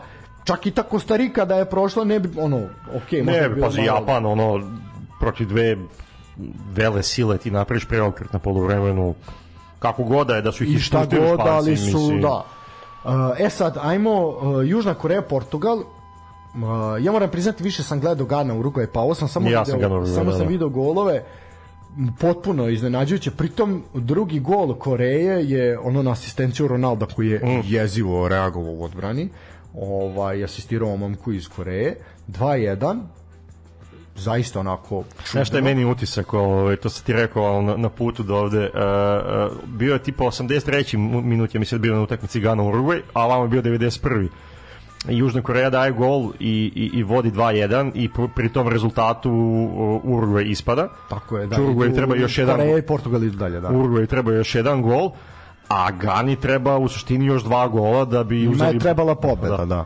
I sad ima još znači 7 minuta do regularnog dela kraja, ovaj produžava za 7 minuta i oni su negde u 85. minutu i Gana je odlučila, rekla je koga jebe, mi nećemo dati dva gola sad ćemo da odugovlačimo vreme i da, i da ganjamo da samo Uruguay ispadi da im se osvetimo za 2010. Tako je, i to su i uspeli. Jel pazi, znaš koliko je bilo smešno, su znači, oni do nekog 85. su ludeli bili u napadima Gane, da. šalala bilo, i onda kad su čuli rezultat, onda su rekli, sledeća scena golman Gane kao naš ono prihvata loptu pa kao pada s loptom, znaš, ja kaže nemoj me zajebavati. Jer. Pri tome Gana imala penal odmah, mislim, imali su, imali su, imali su. Čist, čist je penal. Tako je, i dali da. su im dva gola na bezveze i posle su dominirali, imali su, da. imali su baš, baš sam pogledao utakmicu bio, ali mi je to to to mi to mi najsmešniji momenat da bio. A pazi, Urugvaj je napadao ono tipa sa osam igrača, oni su mo... totalno ludili, totalna oni, ofanziva. Oni su da. mogli dati dva gola za za tih 15 pa, minuta. Mogli bili su, ono, da, baš su baš je bio onakav Urugvaj kakav svi mi gotivimo, razumeš? Uh, bez obzira sad tu na taj duel Gana Urugvaj uvek nam je simpat, simpatičnija Gana zbog da. onoga što je bilo, ali Urugvaj jeste jedna jako simpatična reprezentacija yes. sa jako talentovana sa kulima. Eto, i oni su ispali, tako da... Isto, da, ali oni su bili jako blizu prolaska, mislim, mnogo bliže nego mi, ako ćemo realno. E sad šta se dešava? Tu je bilo jako puno napada na sudiju i evo, uh, FIFA je reagovala, na primjer... Da, Uruguajice. Da, su, da, da, da Jose da. Maria Jimenez je dobio 15, uh, razmatra se 15 mečeva suspenzije zbog ovoga što je naposudio. Tako i treba. Znači, apsolutno. Uh, Da, danas imamo, možemo sad ovaj pričati o Kostoru. Danas eh, je dan, ček, dan prvi, danas je dan prvi. Danas imamo Holandiju i uh, Holandija, da, Sjedinjene američke države. Sjedine američke države, to što sam rekao, da dve, dve zaista onako perspektivne. I Argentina, Australija. I Argentina, Australija. E sad ti dečko imaš papir i olovku. Ima, ponosan sam pripremio. Da. Uh, šta su tvoje neke predikcije za ova dva meča danas? šta očekuješ, šta ćemo mi tu vidjeti. Mislim da vidimo, vidjet ćemo opet dominaciju Argentine koja će verovatno izbaciti Australiju. Hoće, hoće. Bez nekih velikih razmišljaja, favoriti su i po kladionicama. A šta Čekam kažem? da napravim jako ostro kako ćemo. Hoćemo ti i ja, jel? Pa da. Ćemo ovako, a? Ti imaš više iskustva sa njima. A nisam ponovno papirio tu sam pao na testu ličnosti. A, neki nekim novinom. Ovo mi je vratio sada da se... Evo ovako, laptop je. Ko će prvi, ajde. Aj, može ti, gosti imaju prednost. Dobro, hvala vi. Uh, znači, Nizozemska, Sjedinjene američke države. Da. Ja mislim, za, na osnovu ovoga što smo videli do sada, do ove reprezentacije, izvini, čini se da, da, da, da bi trebalo da bude tvrda utakmica. Pa bi, bar, bar su, ono, naš, tu su. Ali ja nešto mislim da će da puca danas. Misliš da? Ja mislim da će biti golova, to da. Negde bi to moj bio Ček, šta pogađamo? Golove? Pa e- ne, po pa ko će proći dalje? To pogađamo. Ali... a proći će dalje... E- a, Pravimo kostor, sad idemo do kraja šampionata ovaj. Proći će Holandija. Dobro. To ja, ja, ja bih isto, mislim, rekao bih da će proći ovaj da će proći Holandija. Evo ja imam ovde sad ceo, ceo kostor, pa ću ti reći ko se kim ukršta. A, Imam da, ja, mislim, verujem da će tu biti golova. Ne, ja stvarno mislim da bi da bi moglo da bude da da, da. da puca tipa da a, a pazi, ne mislim da će proći Holandija nešto moguće tipa da bude tipa 2-2 na primjer pa da se Tako nešto, da, da, tako nešto, ali svakako utakmica koju treba treba ispratiti. e sad ova druga od osam, Argentina, Australija, 2-0 za Argentinu. Mislim da to se lako rešava, da se on tu neće puno, puno pomučiti. Mislim da Australija ne vrem da će nešto napasti, oni će tu stati jadni da se brane, pa šta urade. Da, ovaj... moguće biti 0-0 polovreme i 2-0 pa, kraj. Pa da, no, šta kažeš ti na ovo što Daška i mlađe predviđaju svako jutro? Nisu loši, mislim. Dobro, dobro, pogled. S obzirom da nemaju pojma ni o čemu. Pa znaš šta tu tako uvijek bude? Ovaj dan za primjer mog školskog druga goluba koji ove, ovaj, kad, je, kad je počeo kao da se kladi i to da igra, i ja ga gledam, a pazi, dobija uvek tikete, dobija. I onda ja pogledam, a on piše, ne znam, kao, li, Liverpool protiv ne znam koga, kao dvojka, znaš, Liverpool. Tako da i tako ti i ovo se sa, sa njima dvojicom. E, dobro, ajmo sad dalje. To je što se tiče danas. E, to su utakmice od 16 i od 20 časova, znači tako će ići sad, tako će ovaj biti tempo odigranja. E, sutra imamo Francusku i Poljsku i Engleska Senegal. E, Nije Japan, nije da, da, da, da, da, da, da. To se da. igra, da, sad malo ti je, igra ovako se spušta, jel? Čekaj, ispričavam se. A, Francuska, Senegal, Francuska, Poljska, A to će Francuzi rešiti. Pa hoću, lagano, lagano, lagano. lagano. Znači, kažemo i ti ja isto, jel? Ma da, to Francuska i dalje. Uh, Engleska, Senegal. Engleska. Mm, Sadio Mane se vraća, misliš da to ništa, a? Mhm. Misliš da će biti zanimljiva utakmica, ali Englezi su ipak kvalitetniji. Ja mislim da neće ni biti zanimljiva utakmica. Mislim da misliš? Ja mislim da će Englezi lag, lagano Mislim da je taj dan sutra onako prilično dosadan, ali ajde. A, dobro, to je što se tiče sutrašnjeg dana. Čekaj, slažemo se, jel? Da, da, ajde, slažemo se. Ja se uvek slažem. Da, Uh, e, što imamo dalje? E, onda imamo 5. 12. od 16 časova, Japan-Hrvatska. E sad vidi, Ovo je prvi put, ka, svaki put kad je Hrvatska prošla u nokaut fazu nekog takmič, odnosno nekog svetskog prvenstva, a, igrali su protiv evropskih država. Prvi put igraju protiv neevropskih zemlji. Prvi put od samostalnosti. Tako je, prvi put od samostalnosti protiv neevropske zemlje igraju. Što je dosta zanimljivo, mora se priznati. Vidi ovako, ja, ja bih lično voleo da, da, da Hrvatska prođe. Navijat ćemo za njih. Ali... I navijat ću za njih. I voleo bi da, da, da dobiju Brazil u četvrtfinalu i voleo bi da prođu Brazil u četvrtfinalu. Ali ja mislim da od toga nema ništa. da će, da će biti teško. Ne da, da nema ništa, mislim da će biti, da će biti da teško. Biće gusto, ali ja mislim da će ih Japan nadtrčati hoće, i da će hoće, tu zujaće promaja A, na šta se isto, jako me zanimljivo što oni kao najavljuju Brunu Petkovića u napadu, kao naš zbog skoka, zbog svega, zbog uh mhm. -huh. te igre, jer kao naš, Japanci su niski. I onda je e, profesor, ali ozbiljan profesor Tomislav Glaban, kog ja jako cenim, ja ne znam ako pratiš ko je čovjek, profesor je na ekonomskom fakultetu uh u Zagrebu, ali inače bavi se, e, jako dobro analizira futbol, jako je zanimljiv za slušati i onako i naš je, razumeš, po tom, po tom ali jako, jako je stručan i uh, baš, baš onako rado viđen gost tamo ovaj, kad su neke analize u pitanju uh, i on je rekao, ali čekajte ljudi, Japanci nazad su 1,88 m, 1,85 m, oni nisu niski. Znaš, kao ta priča, jesu napred, ali nazad su to ljudi od ono 1,90 m, razumeš? Da, šta ćeš ti, šta će, šta će Hrvati nazad sa, sa, sa Lovrenu? ok, da, ali... Znaš, ne mislim zbog visine, nego mislim... Zbog brzine, zbog brzine, zbog godinami.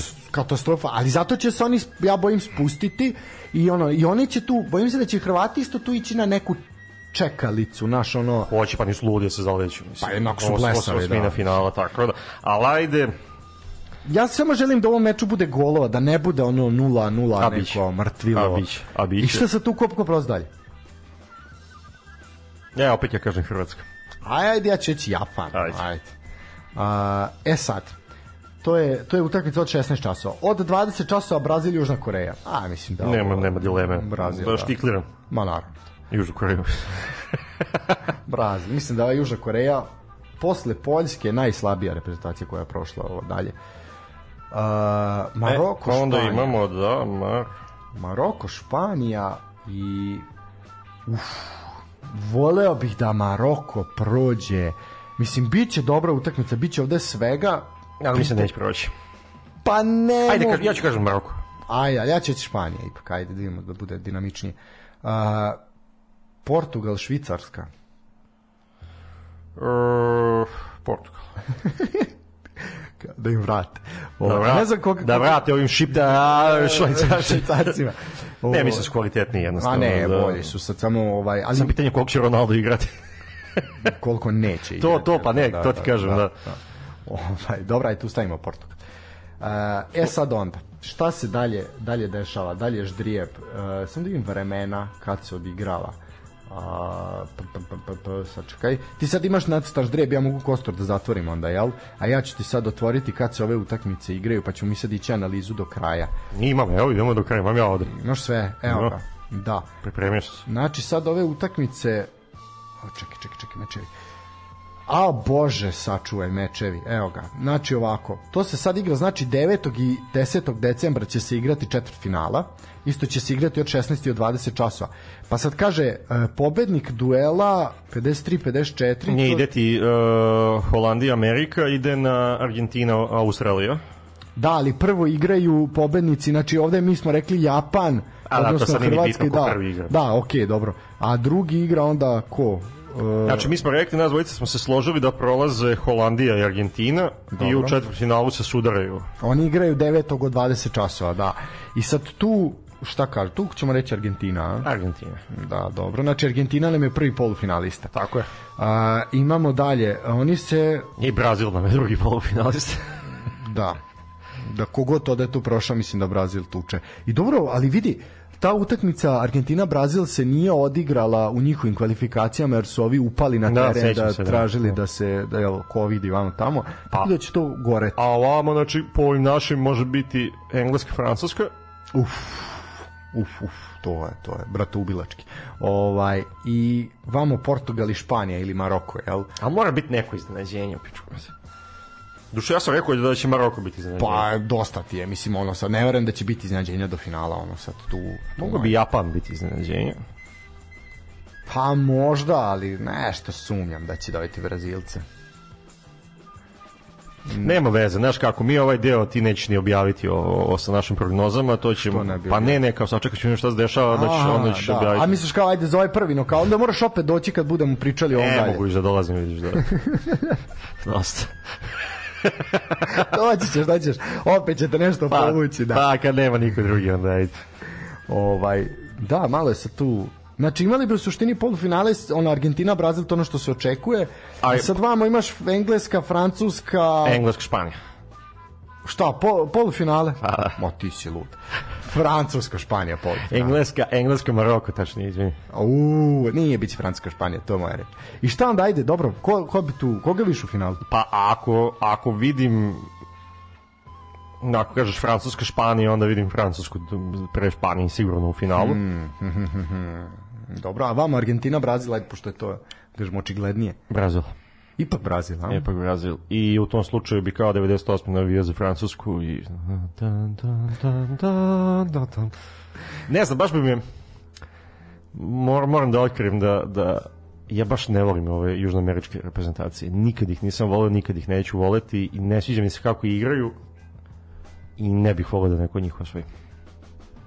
Hm, zašto? Pa zato što ih ne volim jednostavno. da, da, ne, ne. To je to. Je. Znači, ipak ovaj, navijat ćemo za Evropu. da navijao sam za Brazil 94.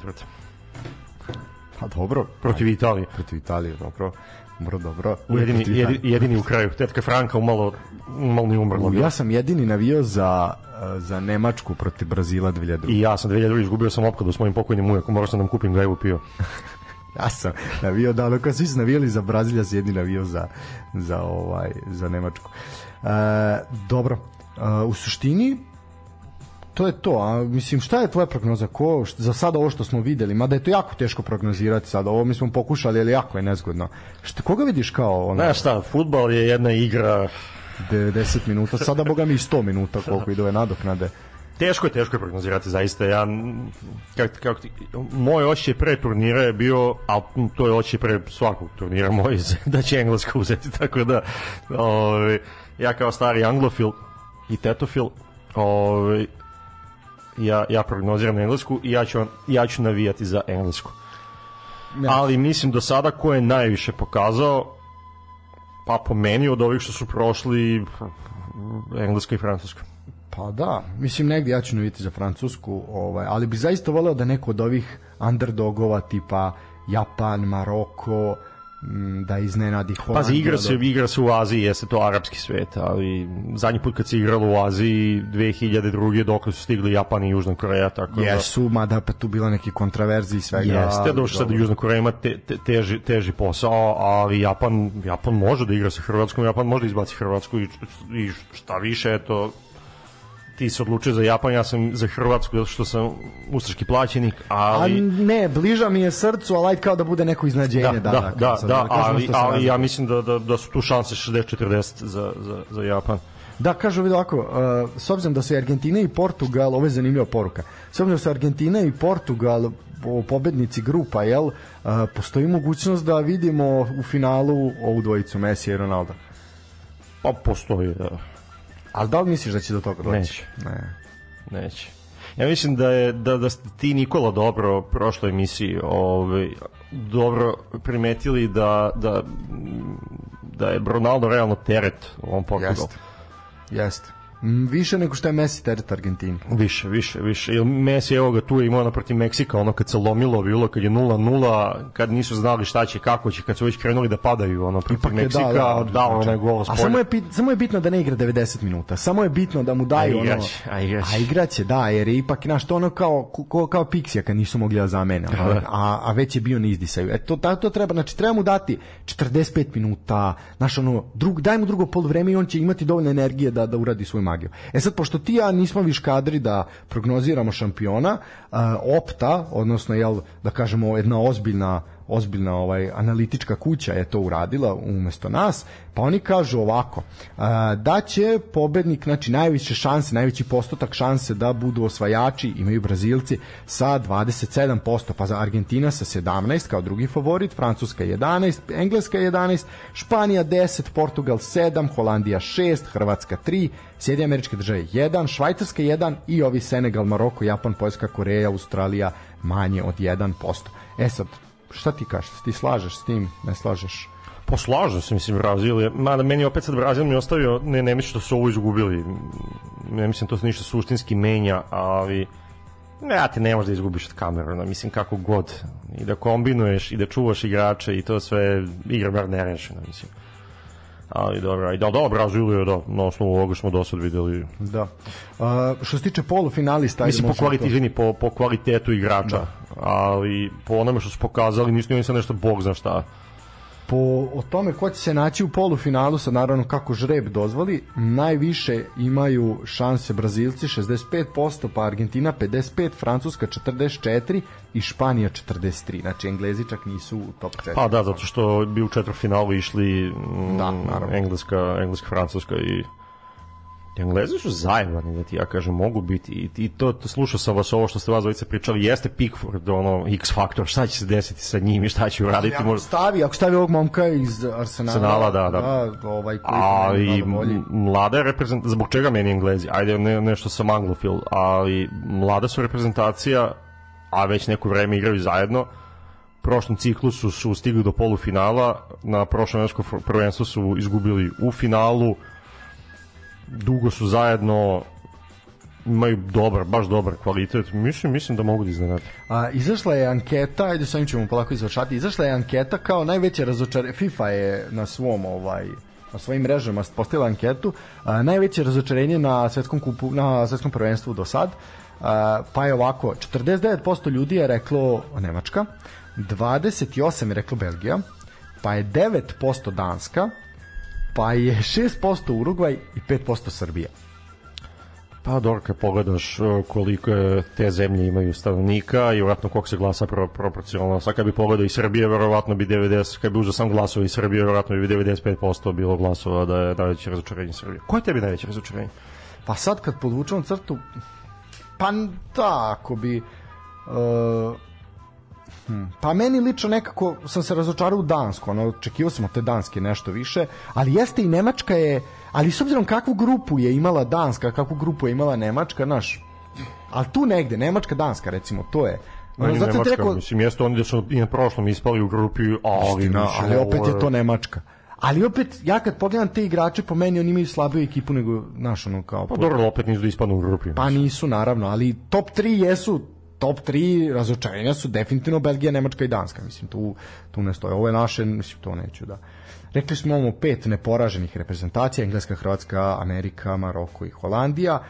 E, zanimljivo je prose golova. Evo što je to je zanimljivo. Imamo dosta efikasno. Još, S obzirom da su još. prva tipa 14 14 e, ili 15 prvih poluvremena završeno 0:0, što je ono apsolutno rekord, ali onda su se malo kao da su se malo aklimatizovali. Mm I sad imamo otprilike 2,5 i po gola po utakmici, što je nije najviše, daleko od toga. Najviše je bilo u Brazilu, bilo je 2,83 gola po utakmici, znači tu, tu baš imali efikasno prvenstvo. Ali kao da to, sad se to malo podiže, e, i definitivno i te promene u pravilima, ta nadoknada vremena, VAR, e, offside. Kako ti se čini, ajde, ovaj, kako ti se čini taj VAR sa K, ovaj, taj automatizovani offside i to što reaguje? imali to neke benefita? Ja mislim da je za sad to sasvim pa korisno. Pazi, da, ali to to to možeš na ovim velikim takmičenjima, to to ne, Naravno. ne možeš moći da primeniš, tako da onda i ne razmišljam pravo, kažemo o tome, jel, ali sad nekako čine nekako prvenstvo ono zanimljivijem da tako kažem. Okej, okay, da, meni je bilo čudno ono za za ono za nadoknadu vremena, ono ne prve utakmice, ono po, ali po 15 minuta. A šta se onda desilo? Znači, onda su se prilagodili su se. I onda da. su shvatili, a to samo pokazuje koliko su oni valjaju po terenu pa jest, zapravo. Realno. E onda kad su shvatili da to nema smisla, onda su onda se to je bilo bukvalno dva dana je to trajalo, treći dan se opet već ono 5 6 minuta jeste, sve zavisno od jeste, jeste, jeste. Tako da, ono, to je to. Znači, ljudi su shvatili i vidiš da se može doakati nekim stvarima. Ne, može. Generalno, dobro je prvenstvo, dobro, dobro organizovano, dobro su utakmice, mm. što se ako izuzmemo ove plaćene navijače ispred stadiona i to da. Ha, dobro, ajde, mislim mi živimo u državi koji koji su plaćeni navijači i ovo, Da, da mi kao nešto pregovaramo ovima, da. I sve, znaš, tako da mm, ne, ne, bi, ne bih, ne bih, znaš, ne, ne bih polivao se po Kataru. Mislim, ne, ne. dragi su mi ko Šarlak što mi je drag, ali Znaš, aj se bavimo stvarima koje, kojima možemo ne, realno da Na terenu, na terenu to jako lepo izgleda. Znaš, kao ono, kao, niste futbalska nacija, nemate tradiciju i onda plaćate navijače da dolaze, mm, mm, da, A nisu Fakat. oni platili, ni oni što nije problem što oni platili svoje navijače. Ne, protivnički znam da ne da, da praviš atmosferu. Pravi se atmosfera zato što ljudi nisu otišli.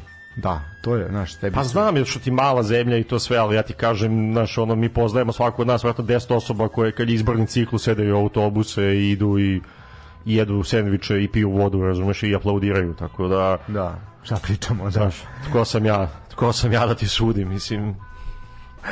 Slažem se, ali... Zlatnik da... snova i budim, ali... Da Ne, ono što se tiče uh, ono čuli smo komentare da su stadioni odlični, da je to sve infrastruktura yes, dobra. Yes. E sad treba jednu stvar objasniti, to smo ja sam čuo kao prazna mesta na stadionu. A šta se dešava? Uh, FIFA je dala proporcije, odnosno koliki treba kapaciteti da budu, a oni su napravili veće kapacitete. Aha. Uh -huh. I onda je tu došlo do toga, zato imamo, jer, znaš kao, nema tu 40, nije stadion od 40.000 ljudi, stadion je za 80.000 mm. ljudi, razumeš, ili, sad sam malo preveličao, ali otprilike je tako, ono. Da, to sam čitao, bilo da. tako. I onda je tu došlo do toga, ljudi su napravili veće stadion, ili imali su pravo da naprave veće, mm. samo nije smelo manje. Ova, I onda su napravili veće od onoga što je kapacitet, i sad to se to zato to se deluje da je to prazno jer je zapravo da ide je prazno mislim šta je tu je sad ide ovo prvenstvo došli smo na pola idu sad nokaut faza ali neće biti sad prazni kad budu nokaut videćeš pa šta će neće, to biti mislim punije. i generalno meni je kako ti kažeš meni je dobro prvenstvo ono dobro su mi utakmice to je ono što mi najbitnije. Zanimljivo je za gledanje. E, e sad, da li ovaj iz Nepala plaćen da... da glumi Hrvata. Da, da, glum, da, da glumi Hrvate, da glumi Srbina. I da li će posle da ide što su ovi zabavali u Irsku ili će da ide na mitinge SNS-a da će uzima hrvatski pasoš. Mislim, ni u krajnjoj liniji toliko ni bitno. Ono, I to će se zaboraviti sve. I zaboravit ćeš sve, ljudi generalno zaboravaju sve. Sjećat ćeš se finala i to je to. A, to je, jeste. E, to je poenta, jedna od ovaj, motiva zašto se sportski pozdrav uopšte radi, a to je da, uh, znaš kao, ostane neki ne znam reći da pisani dokument, ali zapis nečega, zapis jednog vremena, jedne lige, jednog, jest, jednog jest. dešavanja. Tako. I ono što je zgro sad kopa, znamo koliko se napatio da Kopa, Čikaca Palović, isto ono, to ti arhivatori se to kopa, jer se to nije vodilo računa o tome. Ajde da ostane nekim budućim naraštajima da to neko čuje, da neko zna da je nešto postojalo, u krajnjoj liniji da je to ostane zapis da je ovo bilo ovako, da je bilo onako, jer Pa da, neko će iskopati, za nešto će neko, mu trebati. Pa nekog će zanimati u krajnjoj liniji, da, nekom će možda nešto trebati. Imao sam priliku, eto, sad evo, s tim ćemo završiti, imao sam priliku i ti si imao neki, kao, eto, pripadnik, mislim, si starija generacija, odnosno na mene, ovaj, ipak ono, kao, skoro decenija razlike. Imao sam priliku da budem učesnik uh, gore uh, na da radim za, mislim da radim, da budem pom, pomoć a, pri radu nove fondacije Mitar Subotić Suba. Uh mhm. -huh. Ti sad znaš ko je Suba, da je to bio kom, ono, kompo, kompozitor, producent, ali sam muzičar i tako dalje. Na primer, moja generacija i mlađa i da ne pričam, mi ne znamo ko je Suba bio. Da. I onda smo otišli gore u kinesku četvrt i ako za, zanemarimo EPK i jasne, sve ostalo, jasne to su radili njegovi prijatelji kojima se on družio, s kojima je radio, bio je Firči, je bio prisutan, da. ne znam, bila je zadužbina Milana Mladenovića, ljudi iz zadužbine su bili prisutni, ali tako dalje, tako dalje. I onda ljudi su došli iz Brazila, ljudi su potegli iz Brazila da dođu da pričaju o Subi, što ono meni bilo fascinantno. I onda naš sediš i slušaš i slušaš tu energiju s kojom ti neki ljudi pričaju i kojom se bore da se to nešto otrgne od zaborava. Da li je to bila sad priča o Milanu Mladenoviću koji ono kao ni, a, teko subi da se ni ne zna šta su sve uradili. Ono, oni kao svaki dan kopaju novi materijal, da. ispa to su sati i sati na magnetofonskim trakama, na kasetama, na ono, ono, na pločama. Znači, koje se ni ne, snimci sa nekih VHS-ova stari koje se to jako... Ono, to da, to je rudarski posao, mislim. To je ozbiljan rudarski posao. Ono kao staneš i pogledaš pogledaš i kao, jebo, znaš, ono kao, ovo je neko otrgo upravo od zaborava, jer ovo bi se zaboravilo, već, na, već moja generacija ne zna ništa, a gde je ona naredna, tek neće znati ništa. Ne, pa da, da, to, to ti je, to ti dobro, do, do, do, dobro si objasnio, znaš, i ovo je, evo kad pogledaš ovo što ti radiš i, i, i ljudi s kojima radiš i to sve, je da koliko je van mainstreama, i koliko je bitno da kažeš ima i ovo, pa ćeš reći ok, evo ga ovaj sportski pozdrav koji će poslušati, ne znam, hiljadu, hiljadu i po, dve hiljade ljudi, nije bitno, nek sluša 20 ljudi, vredi za 20 ljudi da, da se cimaš, da dolaziš, da radiš to što radiš. ali Suza po, po, pokaže mi srce, zato se smijem. Ali e, ne mislim samo u budućnosti da će neko reći, e, slušaj, a imao si tad, ne znam, ovoga, onoga, pa će tebe sad neko da stavi u neku monografiju za 30 godina, razumeš? Ne, I da. to nije, nije poenta nije to. toga, da, naravno nego da ljudi imaju prilike još negde da čuju ono i ne neće poslušati svaku ko što ni ja ne slušam svaku razumeš mislim ono ali poslušam ne znam dve ili dve do tri poslušam mesečno i bitno ti je čuješ još nešto znaš ono skloniš se skloniš od bisera pustinje, skloniš od Lazetića sa arene, mislim, skloniš, skloniš od budalaština, pa evo ga ovoga, pa imaš ovoga, imaš onoga, ispričaš se i to je to, tako da zato, zato pravu se, zato, zato je bitno i ovo sad, i uključenje vanredno za, za, za svetsko prvenstvo, ko će se sećati, razumeš, ko će se sećati utakmice Japan, ma, ajde Japan, Hrvatska, neko će se sećati, ko, odavde, ko će Maroko, Španija da se seća, mislim. Niko ovaj osim Vahida Halihodžića koji rata plače koji koji ne, ali on meni više deluje kao da je kiva kao da je jako on je pesan oni kažu da su oni njega zvali da su oni njega zvali kaže neću da priča meni on deluje znaš kao da sedi kući ja žela mu kaže sad došla peti dan i kao pa dobro pusti šta sad pa pusti da, da, da ustane da šutira kjere A što je najcanje, ovi sad, ono, naš, ovi igraju sad, ovi koje on nije zvao daju golove, jebi ga, prolaze ga u znači, sve što ne treba. Ano, a mislim, prvo Vakit Halikočić je legenda ovih prostora. Yes, da ali to je sad ono tipičan taj nesrećni balkanac kog ono sad sa vebu skače. A šta je najsmešnije uvek u tome? Što, što, znaš, kad čovjek ješ po pizde, kada za to da podnese, razumiješ, da. to je, to je, to je meni urnebesno. Ali on mi djeluje baš kao da nema, kao da je kivan, kao da prebacuje, znaš, da ovo... Zvali su ga hrvatski mediji, su ga da. zvali da da analizu pred utakmicu Hrvatske i Maroka, s obzirom da je vodio Dinamo. Znam, rekao da, da, da neće ništa. Da. Rekao ne, ne zanima me, znači sedim kući, zaključam se sa ženom. ne želim. Ne, ali on meni više deluje kao da ga sad zove neko, znaš, da ga pita. A on kaže, ne, ne, ne želim, rekao sa svima da daj dajem iđeve, nego vi pitajte bolje o... ali ja, ja neću da kažem, nije sad ni bitno, ali da je bitno. ja obožavam da budem kivan. Ja obožavam to mi to mi, to mi najbolje osjeća, to mi guilty pleasure. ne, ovo je, mislim, ovo je prelepo, razumeš? Jako ti, ali on je, znaš, taj simpatični dekica, razumeš, koji ono kao, sad ono sedi i ono mrzi, kao komšija Denisa napada da, sedi i mrzi sve, jer se dešava ono, mislim, koliko god, ono, mi zaista njemu želimo sreće, ono, jadan čovjek toliko je puta bio smenjen pred to svetsko prvenstvo, da ono, baš, baš strašno. E, aj, još jedan moment koji ja, ovo me sad podsjetilo. A, priča se uvek o tome Vahid i Bora Milutinović obojica ono su odveli hrpu reprezentacija na svetskom prvenstvu, ali nažalost ovaj je puno puta dobio otkaz pa nije učestvovao. I onda dođe RTS je radio emisiju Oko sa sa Borom Milutinovićem. Aha. E sad ja ja moram bio sam sprečen, nisam uspeo celo da pogledam, a nije to moj komentar, prvo Bora Milutinović je ozbiljna legenda. Da I tebi dođe Albijanić sa RTS-a, ja moram sada da prozivam po imenu, dođe i kaže uh, da karijera Bore Milutinovića kao igrača nije bila zapažena majmune. Pa dobro, mislim, kao igrača. Kao igrača, kako čovjek igrao finale Lige šampiona, šta nije zapažen. Pa nis... 250 utakmica za Partizan, za Ofka Beograd, titule u, Jugosla... u Jugoslaviji 60. godina Partizana. Ajde, da što im nije zapaženo, što je pre 100 godina bilo, to se da kažem sada bez obzira pa i Pixijeva je bila pre 30 pa godina. A ne, pa znam, ali ti je kao on se ne Ne, on je rekao nije ostavio dubok trag u, u Partizanu, je normalni bre. Kako nije ostavio, čovjek igrao finale Lige šampiona, bre šta nije ostavio trag, ste vi normalni. E, još jedan komentar tvoj da završimo šaljivom notu, mislim ovo je skandal. Uh, bacanje lopte iz Katara holograma mesto. Yes, yes. Aj objasni mi potrebu za tim. Znaš, ok, javljate se hologram, cela država shvata da je to hologram, da se on zaista ne nalazi nalazi tu, mislim, ja kasni ima taj delay i sve to. S Čemu bacanje lopte? Pa to je ono što smo pričali na početku. Ja mislim da je to kombinacija kurs obolje. Generalno tamo radiš na RTS-u, možda radiš šta hoćeš.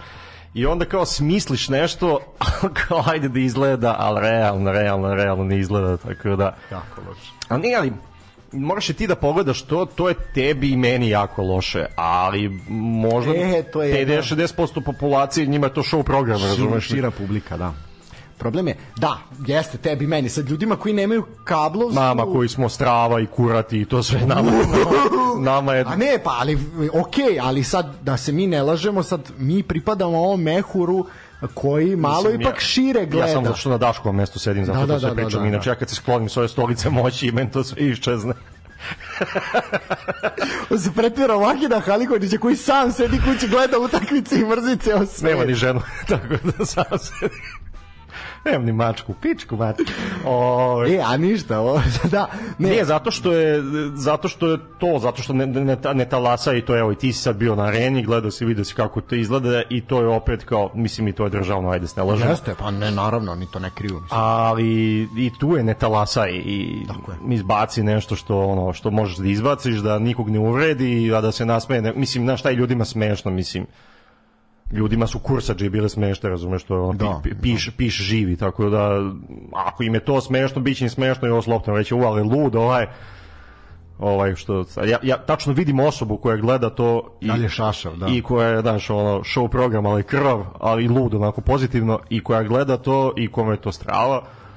Vidim vidim nekoliko osoba sad koje poznajem tako da Ima smisla. Neće pravi program za nas, mislim, za danas pravi program Daško je mlađa.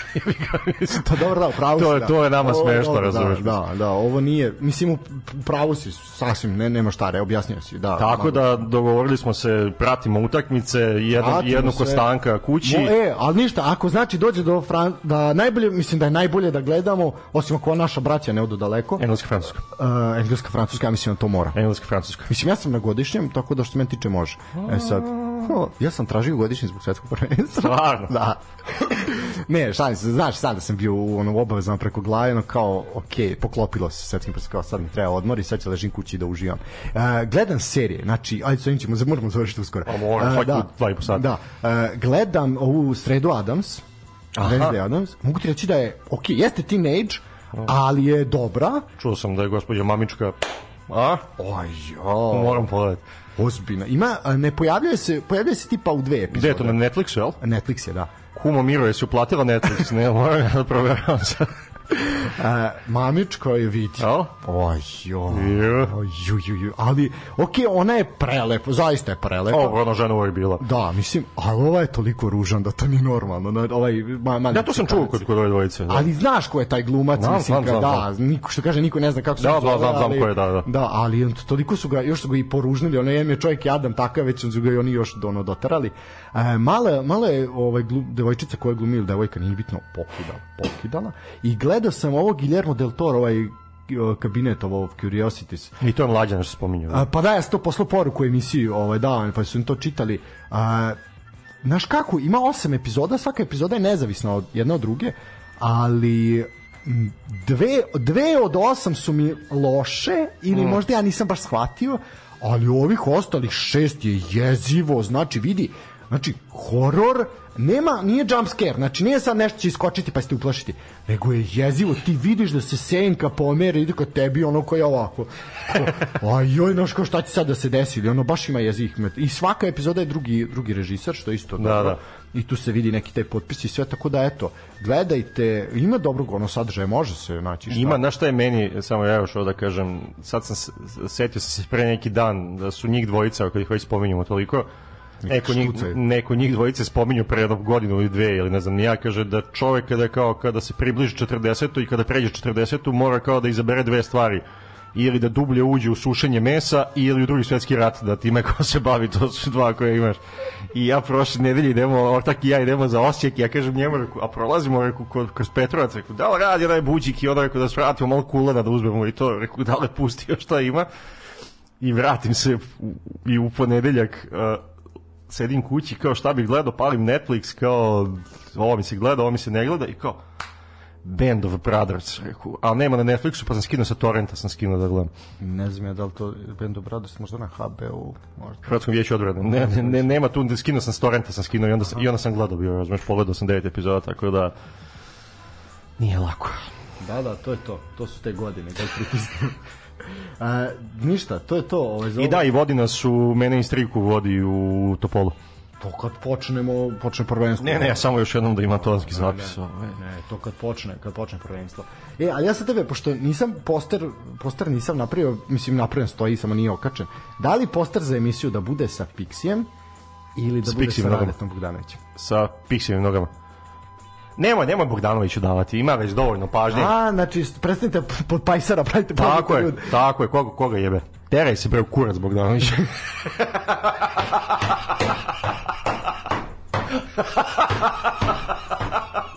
Što bi rekao Nikola, Rade Bogdanović je razlog zašto ljudi mrze Bosanca. Tako, je, tako je e, ja nisam rekao. E, e, samo još ovo za kraj, kad smo već kod bosanaca, kod dođeš, ali molim te priču učestvuju Arab. Pantera ova što se po bačku javlja. Mi sad kad smo išli za Osijek videli smo na njivi neko nekog crno kjera, kažu, evo ga Pantera. Ali pazi ovo, pojavila se u okolini Apatina i Odžaka, je li tako? Da, tamo je bila prvo. Tamo kad sam ja bio u Apatinu, onda se to dešava. Tako je. Da. Pa, i, pa je otišla ka Vrbasu. Da, Feketić to, da. Al Vrbasu. Da jeste ti primetio da Pantera samo ova kolonistička mesta ovaj?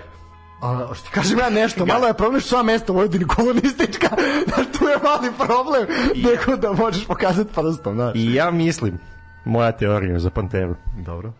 A zapamtite sad, da će Pantera možda iz Vrbasa sada krene vamo, i da će do, do veternika da dođe. I da je glavni, tu je kraj. I da je glavni cilj Pantera da otvori stovarište građevinskog materijala u veterniku. to, to je moja teorija. Ali ide za obilazni Sto, pute. Stovarište, ali vazi može, stovarište građanskog materijala Crni Panter. Crni Panter. Ali smo sad ovom nekom smislili. Ovo, volim te, moraš, si, potpiši se da registrujemo. Ne, zapamtite, ako vidite u veterniku, znajte. Znajte čije je, to je to. Ali će završiti na ražnju do nove godine, do Božića će biti. tako je, tako je, tako je. Nema, to ne može ništa preživeti. E, ljudi moji, eto, počeli smo, mislim, ovo je, bio, ovo je bila poenta, da izbacimo iz sebe ono što ne valja, da se ne, ne srdimo više, ne budimo kivni kao Vahid. tako je, tako je. ovaj nego da ovaj malo opet okrenemo na nešto pozitivno i mislim da smo to uspeli e, ljudi hvala na slušanju E, epizoda će biti, nadam se, danas okačena. Ko nije slušao uživo, ja ću pokušati, pošto kažem tehnički problemi, ali borimo se, rvemo se, biće, biće zaista dobro. Trahinja, velika zahvalnost tebi na ovaj na gostovanju i zaista je bila onako čast i zadovoljstvo i zvaćemo te opet. Zovite me, sad nemoj, idući godine. Ćao drugari. Pozdrav, čujemo se, uživajte.